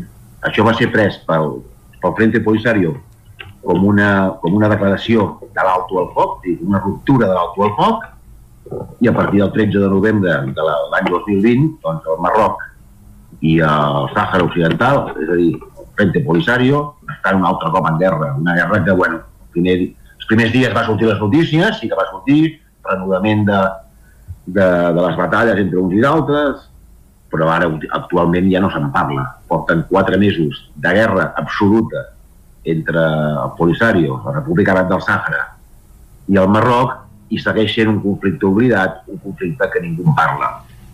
Llavors és per això que nosaltres donem suport a, a tota la gent que hi ha al campament de refugiats de Vinduf. Episodis en aquesta guerra n'hi ha hagut molts, però en essència sempre acaba tot de la mateixa manera, fent patir a les persones que han de conviure en aquesta constant inestabilitat. Precisament per aquest motiu va néixer Cooperació Osona Sàhara, entitat que ja suma un bon nombre de projectes a la seva esquena. D'aquest grup d'usonencs que acollien, eh, que acullen, eh, acollien el, aquests nens que venien a vacances en pau, so, ens organitzem en certa manera i comencem a treballar i a mirar ja què més hi podem fer durant tot l'any, no només a l'estiu acollint aquests nens, a veure què més hi podem fer. Visitem els camps, coneixem el terreny, coneixem gent i eh, comencem a pensar projectes i organitzar-nos com a entitat.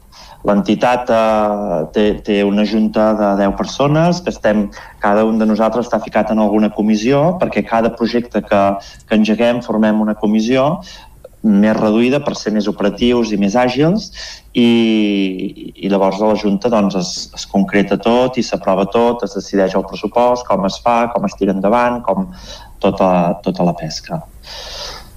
Llavors, a COS, eh, Ara, malgrat la pandèmia, que ens ha hagut el fet de treballar fora, a la distància i amb, un, amb uns camps de refugiats que, que ha costat, costa molt entrar i sortir ja de normal, imagineu-vos amb, amb Covid, doncs semblava que ens havíem de frenar una mica i tot el contrari, eh? hem trobat sistemes i, i, i maneres de, de continuar treballant amb, amb els camps i, i amb la gent del, del Sàhara. L'origen de tota aquesta iniciativa, però, és el que es coneix com a Vacances en Pau, un projecte que encara avui en dia permet a una sèrie de nens i nenes fugir de l'infern que es viu, tant per la calor com per la guerra, als camps de refugiats. El projecte, però, ha topat de cap amb la Covid-19. Ja és el segon estiu que no vindran, això no havia passat mai, eh, des que es va engegar, que no vindran nens i nenes saharauis eh, a les nostres terres durant l'estiu.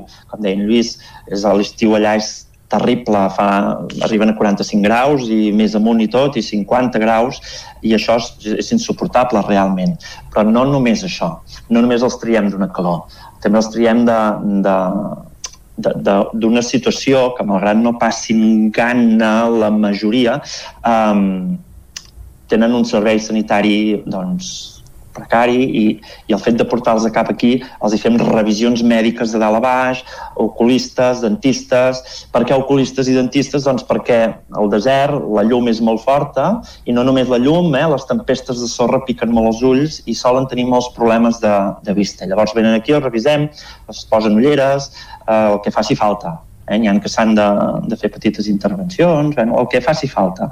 I les dents igual arriben i com que tot el dia roseguen sorra, um, també els tenen força malament i, no, i els hàbits d'higiene tampoc són els mateixos que tenim aquí i llavors els hi fan una, una revisió i, i fan els hi arreglen el que es pugui arreglar. O sigui, fem com una, una puesta a punto. A més a més, uh, que, que gaudeixen de, de, de, de conèixer altres coses i obrir ments, no? perquè si estàs tancat en un lloc coneixes poc i el fet de venir aquí els hi obre ments, els hi obre doncs, ambicions i, i tal. Alguns diuen, oh sí, però llavors els torneu allà i, i pateixen. No, penseu que 15 dies abans de marxar, ja quan es lleven cada dia, ja demanen i quin dia tornem, volen tornar, perquè ells no són, no, encara no són una societat massa materialista ells són una societat que valoren molt les persones, valoren molt el caliu familiar, el, el, el seu entorn, eh? no tenen res i ho tenen tot quan estan junts, amb, no només amb els de la família, sinó amb els veïns, amb els cosins, amb, amb tots. No? I llavors arriben aquí i sí que té, veuen cases, veuen piscines, mòbils, i veuen internet, i veuen aquestes coses, però un cop arriben allà, i quan arriben aquí també, eh, deixen de tenir aquesta vida social que tenen a dins els camps. El Vacances en Pau, però, no és ni de tros l'únic projecte que té en mans el cos, que centra la seva acció no només allà, sinó que també aquí, fent xerrades i donant a conèixer tota la problemàtica. Actualment tenim molts projectes i tots van encarats en els objectius que té l'entitat, que el primer de tots és fer difusió i donar a conèixer la problemàtica saharaui, perquè tal com deia en Lluís, eh, han silenciat la guerra, han silenciat la problemàtica, és un, una problemàtica enquistada de fa 45 anys i no en parlem. I el primer objectiu de COS és mantenir viu aquest missatge. De fet, eh, quan tu vas als camps i demanes què podem fer, què, dieu-nos què, què necessiteu. Hi ha una necessitat unànima i que tothom et diu, que és no nos olvidéis contar nuestro problema, contar nuestra història. Doncs això és el que COS eh, principalment és el seu objectiu. A l'hora de fer difusió hi ha un projecte que ara actualment està aprovat, ja, està, ja hi ha l'estudi fet, organitzat i aprovat per Junta, que és el, el Frames de Vida, que, que serà un projecte de, de fotografies en els quals un membre de la Junta baixarà als camps i eh, donarà no sé exacte el número ara, no me'n recordo, si no m'equivoco, són 30 càmeres i eh, les donarà a nens 30 càmeres d'usar i tirar, no d'aquestes que es revelen, i les donarà a nens que no hagin estat a Espanya, o a Catalunya, o a Itàlia, o a França. Nens que siguin que, que, que ens puguin donar una visió de què són els camps per ells. Sí? I se'ls donaran les màquines i aniran a, a voltar tindran uns dies per anar tirant fotos a, a coses que ells ens vulguin ensenyar, que creguin que de, amb aquella imatge poden explicar què són els camps de refugiats. Llavors eh, recollirem aquestes màquines, les portarem i en farem el revelat i es podrà fer una exposició itinerant per instituts o per sales d'exposició. Aquest és un projecte que ja està aprovat i l'únic que ens falta és que marxi el Covid d'una vegada per poder baixar els camps i poder-lo eh, doncs, portar-lo a, a terme. Els projectes de cooperació Zona Sàhara, però, també tenen molt a fer sobre el terreny, amb ajuda humanitària que ja ha deixat empremta als camps de refugiats a través d'un dels seus projectes més recents. El projecte de la cistella alimentària bàsica. No podíem entrar als camps, nosaltres Això va néixer de que nosaltres, quan el dia 13 de març de l'any passat que ens van tancar el primer confinament, nosaltres estàvem a l'aeroport viatjant cap als camps. Per qüestions X vam haver de tornar per arreglar uns papers de visats perquè Algèria no ens va deixar passar i el mateix dia tornàvem a marxar i no hi vam, i llavors ens van dir si marxeu no torneu perquè ja han tancat vols. El fet de quedar-nos aquí, aquesta frustració de no poder anar als camps i poder fer, eh, portar a terme els projectes que anàvem a engegar, ens va fer posar les piles i veure com podíem ajudar, si tancaven els camps, com podíem ajudar la gent que quedava tancada dins. I, bueno, a partir de diferents converses i parlant amb, gent dels camps vam veure que la, clar, no arribava l'ajuda humanitària dins els camps. Es va tancar completament per evitar que entrés el Covid a dins. Uh, les famílies més vulnerables tindrien doncs, uh, moltes necessitats d'alimentació perquè si no arribava l'ajuda humanitària ells no uh, rebien alimentació. I a partir d'aquí vam veure que nosaltres podíem, a través d'unes persones d'allà que tenen com una organització, com una botiga feta de, que pots comprar des d'aquí i els hi donen, doncs eh, poder organitzar unes cistelles alimentàries. Qual cosa aquest projecte que feia? Eh, donàvem menjar a unes famílies més vulnerables de dins els camps i el mateix fet donàvem vida als negocis de dins els camps perquè aquestes cistelles, tot el que hi anava era comprat a dins els camps. Per tant, fèiem doble, doble circuit. Doncs van ser, van ser 32 famílies de la vilalla de Dauser, ser 8 entregues i números rodons i no detallats, perquè van entregar al voltant de 8.000 ous, 500 litres de llet, 400 litres d'oli, mitja tonelada de carn de dromedari, números realment eh, importants. Però tota aquesta ajuda no surt del no-res i des de COS sempre es busca la manera d'obtenir més finançament i poder ajudar més gent. Tot i això, no és una feina fàcil. Tots viu de, de, de la bona voluntat de l'equip i de la gent que ens recolza, eh, que és molt gran, malgrat la Junta són 10 persones, cosa és molt gran, hi ha molta gent que ens segueix i el sistema que té de finançament COS és bàsicament, quan hem dit quan muntem el projecte el que dèiem que muntem aquestes comissions i aquestes comissions planifiquen en certa manera una difusió, tenim un equip de comunicació, planifiquen una difusió dels projectes. Aquests projectes eh, els hem de doncs, exposar de tal manera doncs, que animin a la gent a col·laborar-hi i molt, molt els projectes van tirant per aquestes col·laboracions a nivell personal que fa la gent, però també de subvencions concretes que anem a buscar per cada projecte. O sigui, no té unes entrades fixes, cost, sinó que cada projecte, mm, per dir-ho d'alguna manera sona malament, eh? però cada projecte l'hem de vendre. Recollim els diners i el tirem endavant. Sí, l'entrada de diners a, a cost bàsicament és per projectes, que diu en Marc, eh, venem els projectes tant a nivell particular, sobretot per xarxes socials, tenim un bon equip de comunicació, i eh, a base, segons de quin projecte se'n parli, doncs, eh, de diferents administracions, des dels consells comarcals, ajuntaments, diputacions, això. I ha, i diguem-ne, pel, pel dia a dia, clar, com una organització que a vegades no en tenim. L'únic que tenim són projectes, llavors, pel dia a dia, que sempre hi han coses que s'han de pagar, les assegurances, en fi, coses d'aquestes, doncs fins fa un any i escaig també fèiem, eh, nosaltres en diem fer fires, no? La Fira d'Entitats, Sant Jordi, totes aquestes activitats que sempre muntàvem carpes aquí a, al Passeig de Vic. En essència, en el conflicte armat, Cooperació Osona Sàhara no hi pot fer massa, però en la conscienciació general i en l'ajuda humanitària sí que hi té molt a veure. Ara bé, el futur el tenen ben clar, perquè si per a una raó existeix, és per ajudar.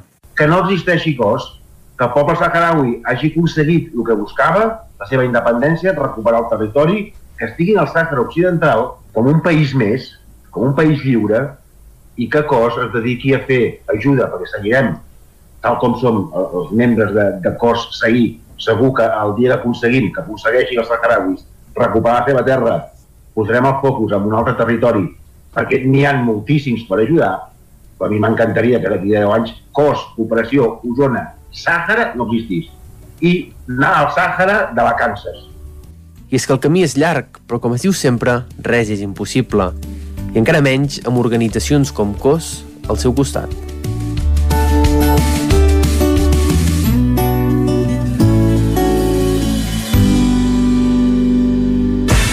El nou FM, la ràdio de casa, al 92.8.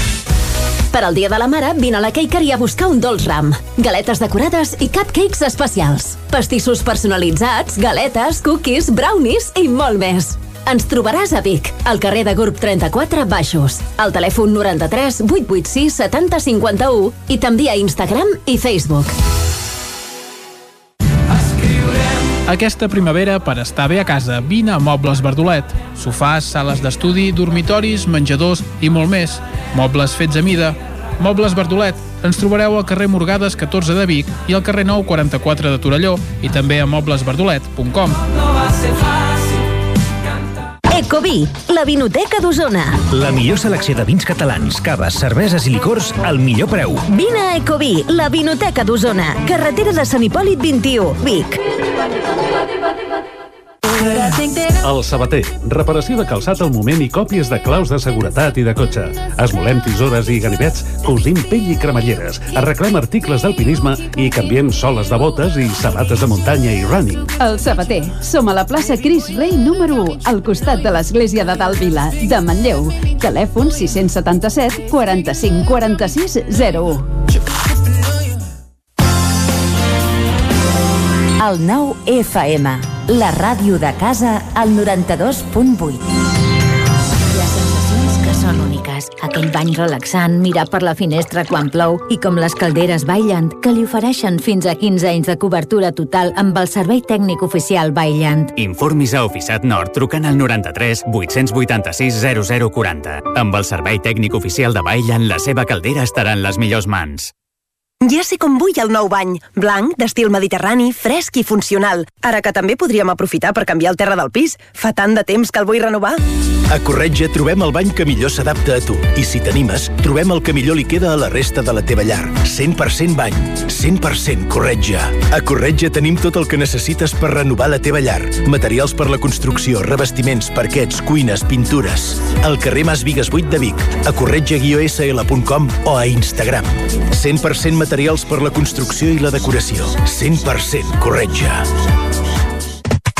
Pintures Xevi Soler. Tot en pintures. Façanes, obra nova, rehabilitacions interiors de vivenda, estucs, microciments, pintura industrial, motllures, terres vinílics... Pintures Xevi Soler. Ens agrada assessorar-vos i fer de casa vostra el millor lloc del món.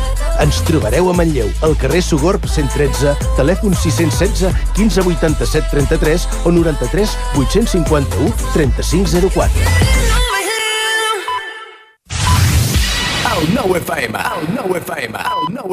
Territori 17.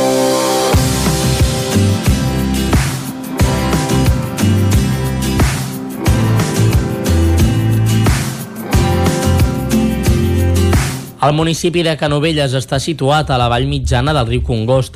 El territori de Canovelles és bastant planer i només està accidentat per les elevacions de Vallulla, a ponent en pendent de moderat suau.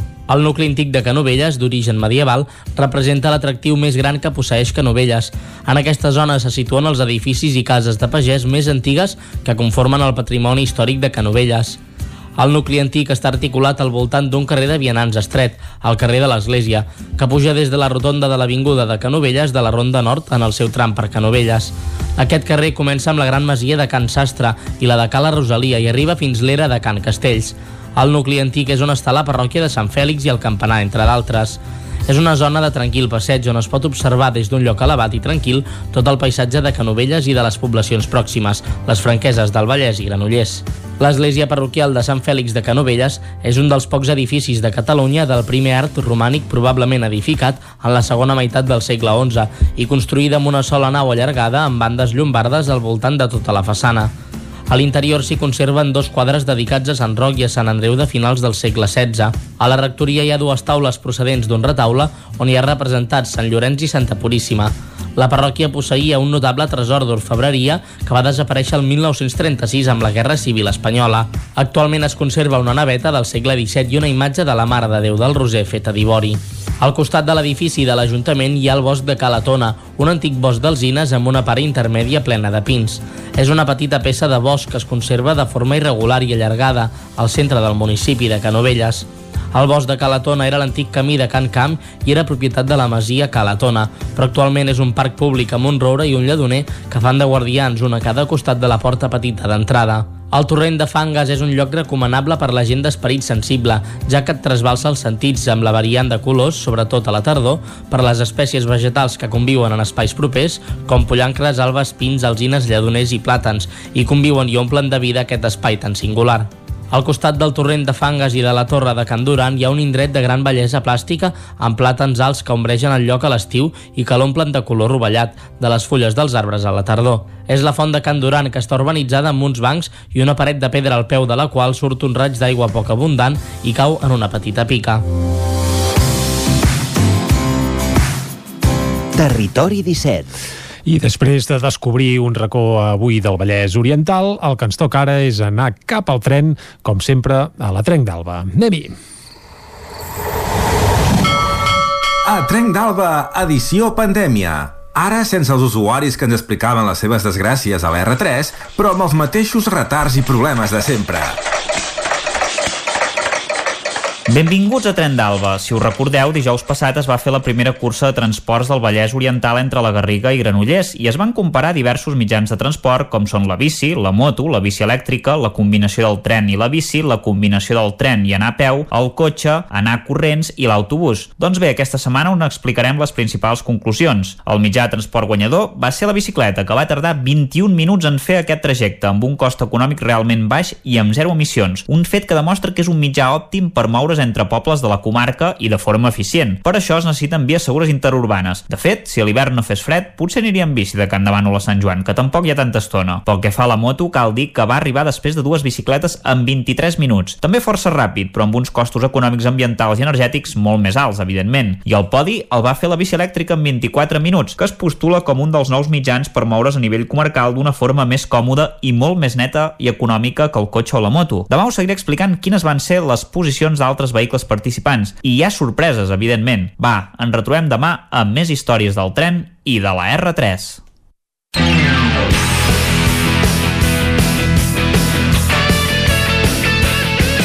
Quan passen gairebé 5 minuts de dos quarts de 12, deixem enrere la R3, demà més aventures, com sempre, amb l'Isaac Muntades. Aquí també tindrem ara la tertúlia esportiva que encetem ara mateix, una tertúlia esportiva marcada per canvis a la Lliga de Primera Divisió, i és que aquest cap de setmana ha estat molt bo pels interessos blaugranes, i això ho repassarem de seguida, acompanyats, com bé dèiem, de l'Isaac Muntades, amb el cor blanc, en Guillem Freixa, amb el cor blaugrana, i en Lluís de Planell, amb el cor blanc i blau. Molt bon dia a tots tres. Bon dia. Bon dia.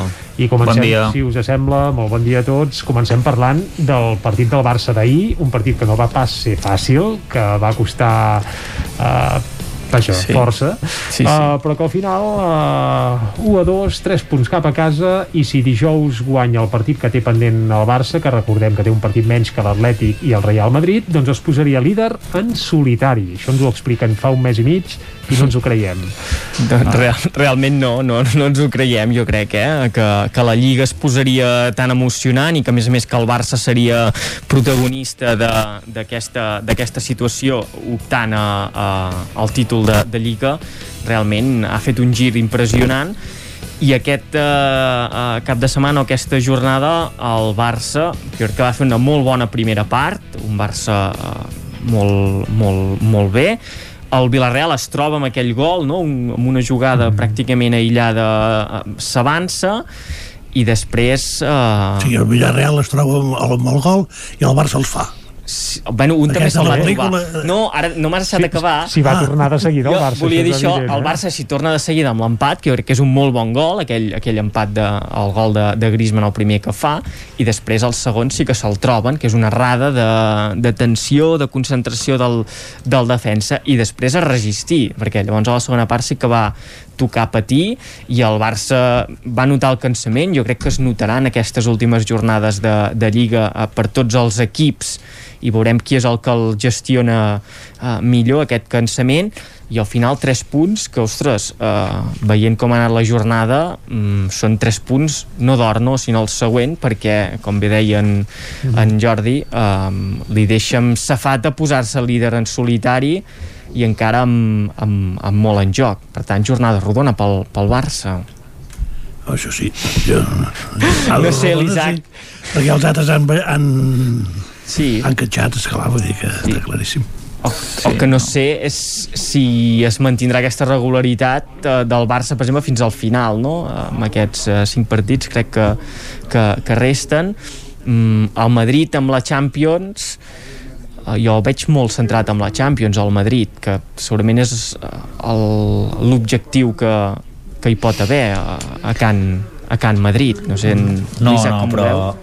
però ara, ara, ara mateix eh, aquí hi ha dos coses molt importants. El Madrid eh, ha estat castigat per al tema de la Superliga eh, tant a la Lliga com a la Champions. Eh, ja ha perdut, sí, sí, ja ha perdut 5 punts per, per arbitratges eh, sospitosos. Ara ah, mateix el Madrid seria ara mateix el Madrid seria líder primer una anul·lació d'un gol pel bar que no era fora de joc, que ja ho hem comentat la setmana passada, una jugada igual a l'Atleti de Madrid, més dubtosa encara que segurament sí que era fora de joc, no s'anula. Aquesta setmana uh, el, un parell de penals claríssims per mans a l'àrea del Betis. Un, us he passat la fotografia perquè és que una imatge val més que mil paraules i és, i és una mà Som clamorosa, vull dir. Isaac, i... Sí, sí. Sí, no, no, però perquè ho veieu vosaltres, perquè ho veieu vosaltres, ho podem explicar la imatge. És una imatge d'un jugador del Betis que que extén la mà d'una manera que sembla uh, Superman, no?, pràcticament, i, i clar, si això no són mans, doncs només s'explica per al càstig de, de la Superliga, i aquesta lliga, com que hi ha aquest càstig, segurament l'acabarà guanyant el Sevilla, que és l'únic equip que no, que no hi ha participat, que, que ens enriem molt del Sevilla, ja us deia, compta amb el Sevilla, doncs el Sevilla està a 3 punts, i encara de jugar contra del liderat, i encara de jugar contra el Madrid, vull dir que és, que és un equip perillós, i amb, i amb la Champions també eh, estic amb això, no? Segurament rebrem algun arbitratge bastant sospitós contra el Chelsea. Home, ja us i, tocaria, eh, algun any... I, I ens intentaran eliminar de la manera que sigui perquè la, la Champions la guanya el PSG que és l'únic equip que no, que no, que no hi va entrar-hi perquè això està, està sí, claríssim. De fet ja ens volien us volen castigar per la Superliga ras sí, sí, de fet, de fet ens volien expulsar ja i, i ens volien expulsar i per la temporada que ve ja ens volen fer fora i ens volien fer fora de, la, de les semifinals de la Champions abans de jugar-les. Aquell senyor rus, en Ceferino que, que no en té ni idea de, de futbol i no sap quins són els millors equips del món el, el millor equip de la Champions el volia fer fora de la Champions la qual cosa no sé què, què hagués passat no? l'escàndol que hagués muntat per jo, tant... Uh, Isaac, bueno, envia, puc dir... Sí, sí. Envia el currículum amb en, amb en Florentino, si plau, i que sí, ara, ara. Eh, la, la campanya que, que li fas, perquè, clar, sí, home. dir que esteu castigats per lo de la Superliga, ostres, uh, no sé. Home, serà que no, ostres, jo crec que, que, jo crec que sí, que, que això en, ens, ens volien fer fora de la Champions, ens, ens volen sancionar, si, si ho han dit. Bueno, potser si el problema està... és que el president del Madrid volia muntar un xiringuito Uh, bueno, mai bueno. millor dit. Però, el president del Barça ja estava a favor, eh? Exacte, sí, sí, no, no, el Barça ja estava a favor. No, no, no, el Barça a mi també em sorprèn que hi estigui a favor. Van, van posant aquesta idea de ho deixem expenses de l'assemblea la, de, de socis, que decideixin els socis. Jo crec que aquí la clau és que tant Barça com Madrid van voler, uh, tornem-hi, muntar un xiringuito per intentar uh, netejar o millorar la seva situació econòmica. Jo crec que aquí la lliçó més gran els hi van dir els, els clubs alemanys, que són els que estan més sanejats de tota Europa, dient que si tu uh, tens uh, deutes, no arribes, diguem, a final de mes o a final de temporada amb els diners que tens, el que has de fer no és continuar fent la pilota gran i endeutant-te i donant encara més milions per endeutant-te més, sinó a reduir despeses i fer les coses bé. Jo crec que la lliçó dels equips alemanys, en aquest cas, i ho dic com a, com a culer, eh, que sóc conscient que la situació no. és complicada, però no pots anar fent la pilota però, grossa però com... per mi, per mi la situació dels equips alemanys és molt millor encara, tenint en compte que ning, cap equip eh, alemany pot tenir eh, o sigui eh, eh, cap, cap persona en, eh, en un club alemany pot tenir més del 49% de les accions, que el 51% de les accions del club siguin dels socis. I aquesta és la clau i eh, per aquí no hi van entrar els clubs alemanys.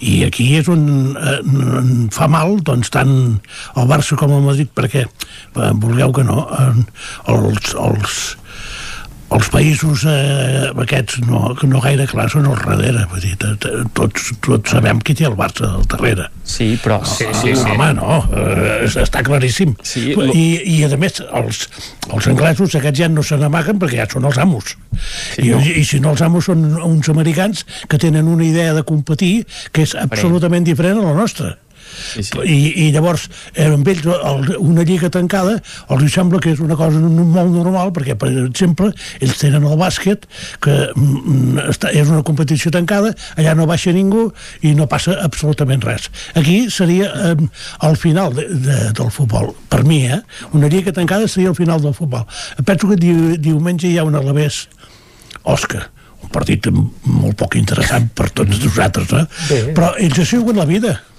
Sí, sí. Ells es juguen sí, la sí. vida. O sigui... Sí, però, però la... Digues, però Lluís, la super... La, no, dic una, una punt, eh? La Superliga, clar, tu, tu, jo tampoc vull que desapareguin les lligues, eh? De fet, però estic totalment a favor condemna, que la Super... És una condemna si es hagués fet aquesta Superliga era una condemna als, als campionats locals perquè el, el no, Barça, no. el Madrid, el Chelsea a la que haguessin vist que el que els hi dona els diners i el que els hi dona el ressò mediàtic és la Superliga, a la llarga, digue-li un, dos, quatre, cinc o deu anys, haguessin acabat abandonant les, llistes, les lligues domèstiques i la lliga domèstica hagués passat a ser un campionat eh, regional, territorial o una competició uh, paral·lela a... Digueu-me mal pensat, però no podria ser que tot plegat fos una estratègia per sacsejar una mica el panorama i fer que FIFA uh. i precisament clubs acabin acordant un nou format de la Champions segurament però, però si amb un repartiment ha... de diners doncs més important de cara als clubs que hi participin i que tot plegat eh, això s'acabi fent més ràpid del que estava previst inicialment. Sí, jo, per mi aquest és el, el paper d'en Florentino uh mhm. En, en aquesta Perquè, qüestió. Clar, en Florentino, eh, home, tenint en compte el personatge que és ingenu, ingenu, tampoc ho deu ser del tot. Per tant, m'imagino que part de la reacció que hi hauria se la podia imaginar. Però, de totes maneres, no, estic d'acord amb el que deia abans Guillem, que el que no poden fer els grans clubs és continuar en el se i llavors passar de, de, de 1.000 a 2.000 sí, sí. i, i en, en, sí. continuar oferint sous de, de, que són absolutament incomprensibles mm. perquè és increïble que un jugador del, del Barça o del Madrid guanyi els diners que està guanyant i que ara en aquests moments jo no, no sé quantitats però seguríssim que estan guanyant molt més del que el mateix espectacle esportiu es mereix Segurament sí, està tot sobreinflat, no? I normalment les coses sobreinflades eh, un dia acaben fotent un pet. Sí, un jugador, per molt vol, que vosaltres dieu que és el millor del món en Messi, sí. cobra 100 milions d'euros per, per temporada, això és una bestiesa.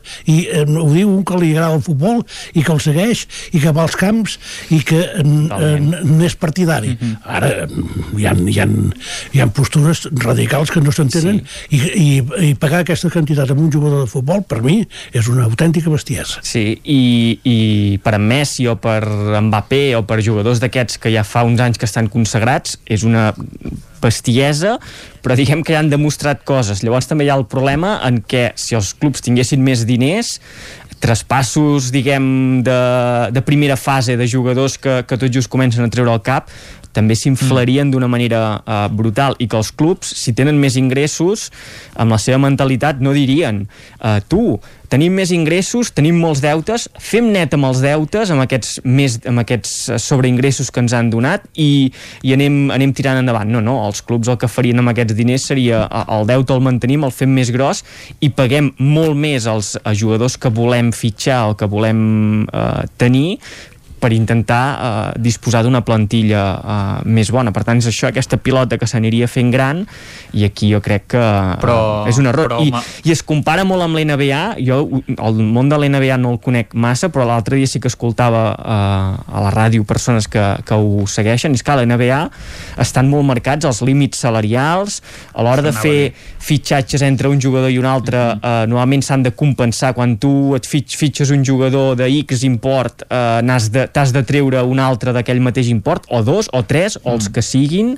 Um, hi ha el sistema del draft, que també permet reforçar els equips que han fet més mala temporada amb els jugadors més prometedors. Per tant, aquest concepte de que les joves promeses aquí a Europa, amb el futbol, de seguida van als equips potents perquè són els que paguen, a la NBA això no passa. Un equip que ara aquesta temporada està malament, en qüestió de dos o tres anys pot acabar fent una plantilla competitiva perquè té això del, té el sistema del, del draft Per tant, és, és un altre sistema que anem ho anem comparant amb l'NBA, però l'NBA està més pensada que aquesta Superliga, en què jo crec que l'únic objectiu era aconseguir uns majors ingressos per continuar gastant més i anar fent la, la bombolla més grossa. I, per tant... Jo crec que en Florentino Pérez ho va explicar que hi hauria topalls salarials de la Superliga. Almenys és el sí. que vaig escoltar. Sí, però... Uh, però després sí, sí, escoltaves en, en Roures eh, que de temes de drets de televisió i de gestió esportiva i de vincle amb el club i entén una mica, tots sabem que no és, no és uh, objectiu, eh, Roures, perquè té, no, també no. té uns colors a darrere que precisament són del Barça, que, sí. que estava a favor de la Superliga, però a mi em va, em va sorprendre el que explicava, que deia que s'han anat parlant d'unes xifres, d'uns topalls, d'unes coses de fer, i que en realitat tot era pràcticament fum, perquè no hi havia massa res eh, firmat de, de, del que s'ingressaria, de qui ho pagaria, per què ho pagarien. Per tant, ostres, eh, tot plegat jo crec que aquí és això, ha sigut una sacsejada d'en de, Florentino i alguna cosa positiva en tindran vull dir que això, això que deies Isaac de que ens perjudiquen els àrbits sí. els, els àrbits els perjudiquen perquè en, en perjudiquen en, diguem el Madrid amb un 10% el Barça amb un 10% i el tots els altres equips amb un 90%. I, i ara us toca el, el cupo aquest del 10% i llavors te'n recordes. Perquè... Al final de temporada, en el moment clau, eh? Sí, ja, ja. Però, sí. Eh, no, no, el moment clau encara no, falten, quan faltin 3 o 4 partits. De totes maneres, estic d'acord que el Sevilla pot eh, ficar-hi el nas, el Sevilla està sí, sí. molt a prop, i eh, jo personalment em faria una il·lusió tremenda que el, Sevilla, el Sevilla guanyés la Lliga. O gent sevillano. El, convi el convidarem a la Superliga en el Sevilla també, si guanya. Exacte. Això, això. No, però l'altra cosa que va dir Florentino, que això sí que m'implica, és que, no, és que els, els, si els rics tenim més cèntims, no va dir els rics, però vaig, eh, en, eh, si els rics tenim més cèntims, podrem fitxar jugadors dels equips pobres, o sigui, eh, i llavors... Que clar, tindran més cèntims també, i alhora podran fitxar Exacte, jugadors. sí, sí, però esclar, llavors els bons vindran al Madrid i al Barça i ens els fotrà M'entens? Sí. I, però, però no tots poden jugar en el Madrid i el Barça, clar, també han de jugar en altres equips, perquè el Madrid i el Barça no poden tenir plantilles de 50 jugadors. Exacte, però és que, és que també, vull dir, és, és una absurditat sí. tan absurda això que va dir en, en Florentino, perquè, en primer lloc per això, perquè no, no pot fitxar, eh, no poden fitxar 20 jugadors de, de 20 equips espanyols o de la Lliga Espanyola, això no ho poden fer, i tampoc eh, no, no, no hi ha material per, per, per, per d'aquest nivell, i llavors això per un cantó. I per l'altre, que és clar, si tu tens un jugador bo, que és el que et voltaran prendre, el que no vols és que se'n vagi. El que vols és, és mantenir-lo per fer mhm. un, una, un, un bon campionat tu mateix. Vull dir que mm, jo això ho veig, ho veig eh, claríssim i que la Superliga no tirarà endavant jo jo penso que també perquè hi ha, hi ha, hi ha, altres, hi ha altres raons que, que el futbol eh, en aquests moments a Europa jo diria que encara és un força, un sentiment perquè si no fos un sentiment l'hauríem engegat tots a, a, a, Home, a, a la merda amb, perquè, Lluís, amb, amb tot el carinyo serà un sentiment i tothom se l'agafarà com voldrà però ja fa temps que qui mana eh, són els cèntims sí, diguem, eh? ras i curt però, eh? però pels aficionats encara no això a nivell d'aficionat encara no ha arribat. Perquè si hagués arribat, la gent no aniria ni als camps. Sí, Bé, no ara ja no hi va perquè ja no es pot. Clar, això bueno, ja, ja, ja, però vull dir que no, eh, no ja, ja m'entreu. Les no. protestes que es van veure no? a Anglaterra, per exemple, sí que es va demostrar que la vessant social mm. del futbol, més enllà d'aquesta aquest, part que sí, eh, que ja està molt economitzat i que està molt en mans de les èlits la gestió eh, futbolística, però sí que hi ha aquesta vessant encara social de vincle entre uh, el barri, el club, uh, Anglaterra sobretot en què cada barri uh, té, té un, un club, uh, encara hi és. Per tant, jo crec que a Europa encara tenim mm. un marge de temps de, de que no hi hagi aquesta, aquesta Superliga i que els campionats eh, nacionals són importants i ho demostra el que està passant a la primera divisió que el Barça poder optar a un títol de Lliga havent guanyat ja una Copa del Rei i amb la temporada que, que hem viscut o que s'ha viscut, recordem no? tot el tema de mm. Bartomeu, la pandèmia, problemes eh, econòmics, ostres, jo crec que qualsevol culer ho hagués firmat. És que fins i tot això és competir fins al final. Ja, llavors passarà el que hagi de passar i guanyarà qui hagi de guanyar, que espero que no sigui el Madrid, però... Uh... Oh, oh, que guanyi qualsevol menys el Madrid, eh? Però competir, competir fins al final i veure que jugadors que es van fitxar, que semblava que començava a haver-hi dubtes. Per exemple, De Jong. De Jong crec que en aquests últims dos mesos ha agafat les regnes una mica de l'equip. Eh? brutalment eh, De Jong i se li veuen, no sé, unes cavalcades, unes carreres... Hi ha que... fonoteca en aquesta casa? Ja, Segur. tot, i No, tant. jo ho dic perquè. Tots, totes les tertúlies estan penjades a, a Però- internet i es poden No, jo dic- Hauríem pescar d'agafar i els talls, Sí, és que d'aquí un temps, eh, perquè en Griezmann feia... No, jo no dit res el, Griezmann. el, el volíeu fotre al carrer fa, fa 15 dies i ara, com que ha fet dos gols a Villarreal, ara ja és un crac. Jo això no ho he dit. Sí. No, no. Això ho estàs dient tu, Lluís, eh? Això també No, no, és cert, no, eh? sí, sí. Però clar, un jugador ja que el temps aprofita'l mentre hi sigui, però bé, això però hi ha una fonoteca seria darrere i llavors vull dir, culers que anaven un contra d'en Griezmann i que ens el venem, que eh, si convé l'hem de regalar perquè a més cobra molt doncs això i us va costar 100 milions d'euros eh, per cert. Però jo crec que a Llavors- a l'estiu, quan finalitzi aquesta temporada, si s'han de fer sacrificis esportius, eh, el, els que han de sortir està clar, jo crec que Griezmann és un dels que haurà de sortir si s'ha de fer aquest esforç eh, econòmic de, de rebaixar massa salarial a la plantilla i s'haurà de fer un sacrifici, tots no te'ls pots quedar els, els cromos I que... en Dembélé, que no sabeu què fer-ne tampoc Bueno, Dembélé aquest any ho ha fet prou bé i crec que s'està negociant la renovació. Per tant, aquí és on ara s'ha de ser Ostres. una mica murri i veure com Clar, és se'l que renova. aquí també cal tenir en compte que si no se'l renova l'any vinent marxaria gratis per tant també a vegades va costar ha- bastants diners, eh, I Dembélé. has tingut 3 anys parat. Vull Però no, dir, Mm. 135 milions d'euros i només faltaria que l'any vinent s'anés amb la mala butxaca i sense deixar ni un cèntim a les Sí, arques sí. del club clar. i el que deu cobrar aquest senyor vull dir que I, i, Couti, I Coutinho també suposo que també se'n desfarà, no? El Barça ja, Exacte, perquè, sí. El de perquè aquest va Coutinho, costar eh, 100... per cert, l'únic jugador que no va anar a la final de Copa Uh, perquè fins i I tot va altres fer la foto lesionats sí que hi va anar uh, altres lesionats van assistir-hi i ell es veu que era al Brasil recuperant-se i a la foto de la plantilla li van de- posar per Photoshop bé, Sí, això sí. ja Sí, sí, sí.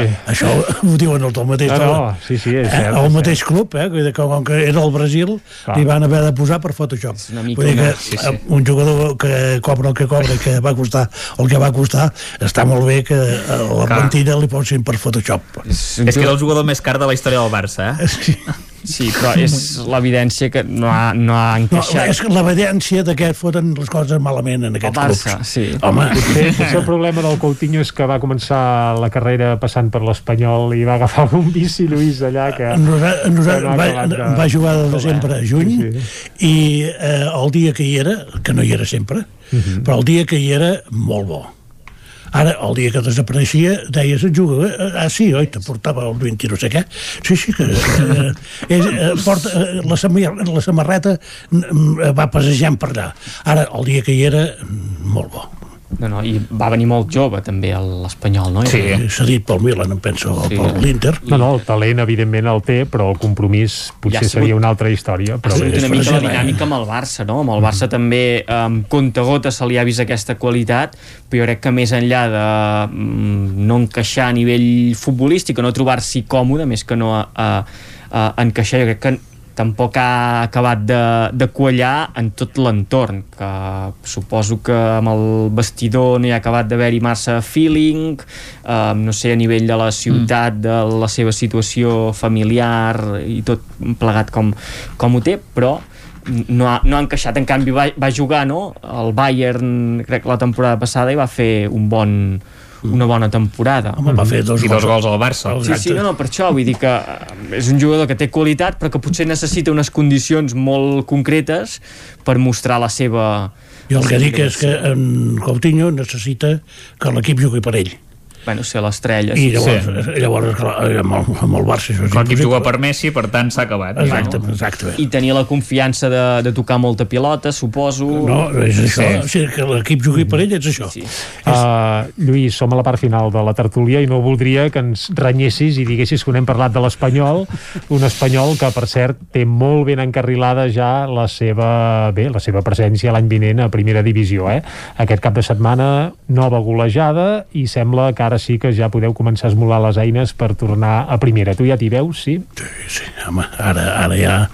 O sigui, en 15 dies, o sigui, diu, eh, dissabte contra les Palmes, no, eh, dissabte contra el Màlaga, i diu, i l'altre dissabte a la Romareda doncs eh, guanyant aquests dos partits ja matemàticament ja som a primera divisió ja tornarem a tocar els nassos als culers i a, a enviar-los algun altre tamudazo perquè eh, Ah, sí, aquesta sí. temporada estan molt tranquils No, home, jo crec que sí, sí. que sí, que l'Espanyol ho té pràcticament fet. Mm -hmm. uh, més uh, del 3 al 6, uh, aquests equips que estan play-off, que són els que voldrien optar a l'ascens directe, jo crec que entre ells també hi haurà moltes ensopegades i ho demostra el fet que el Girona, que fa un mes semblava despenjat de, de a poder un entrar punt només, eh, de...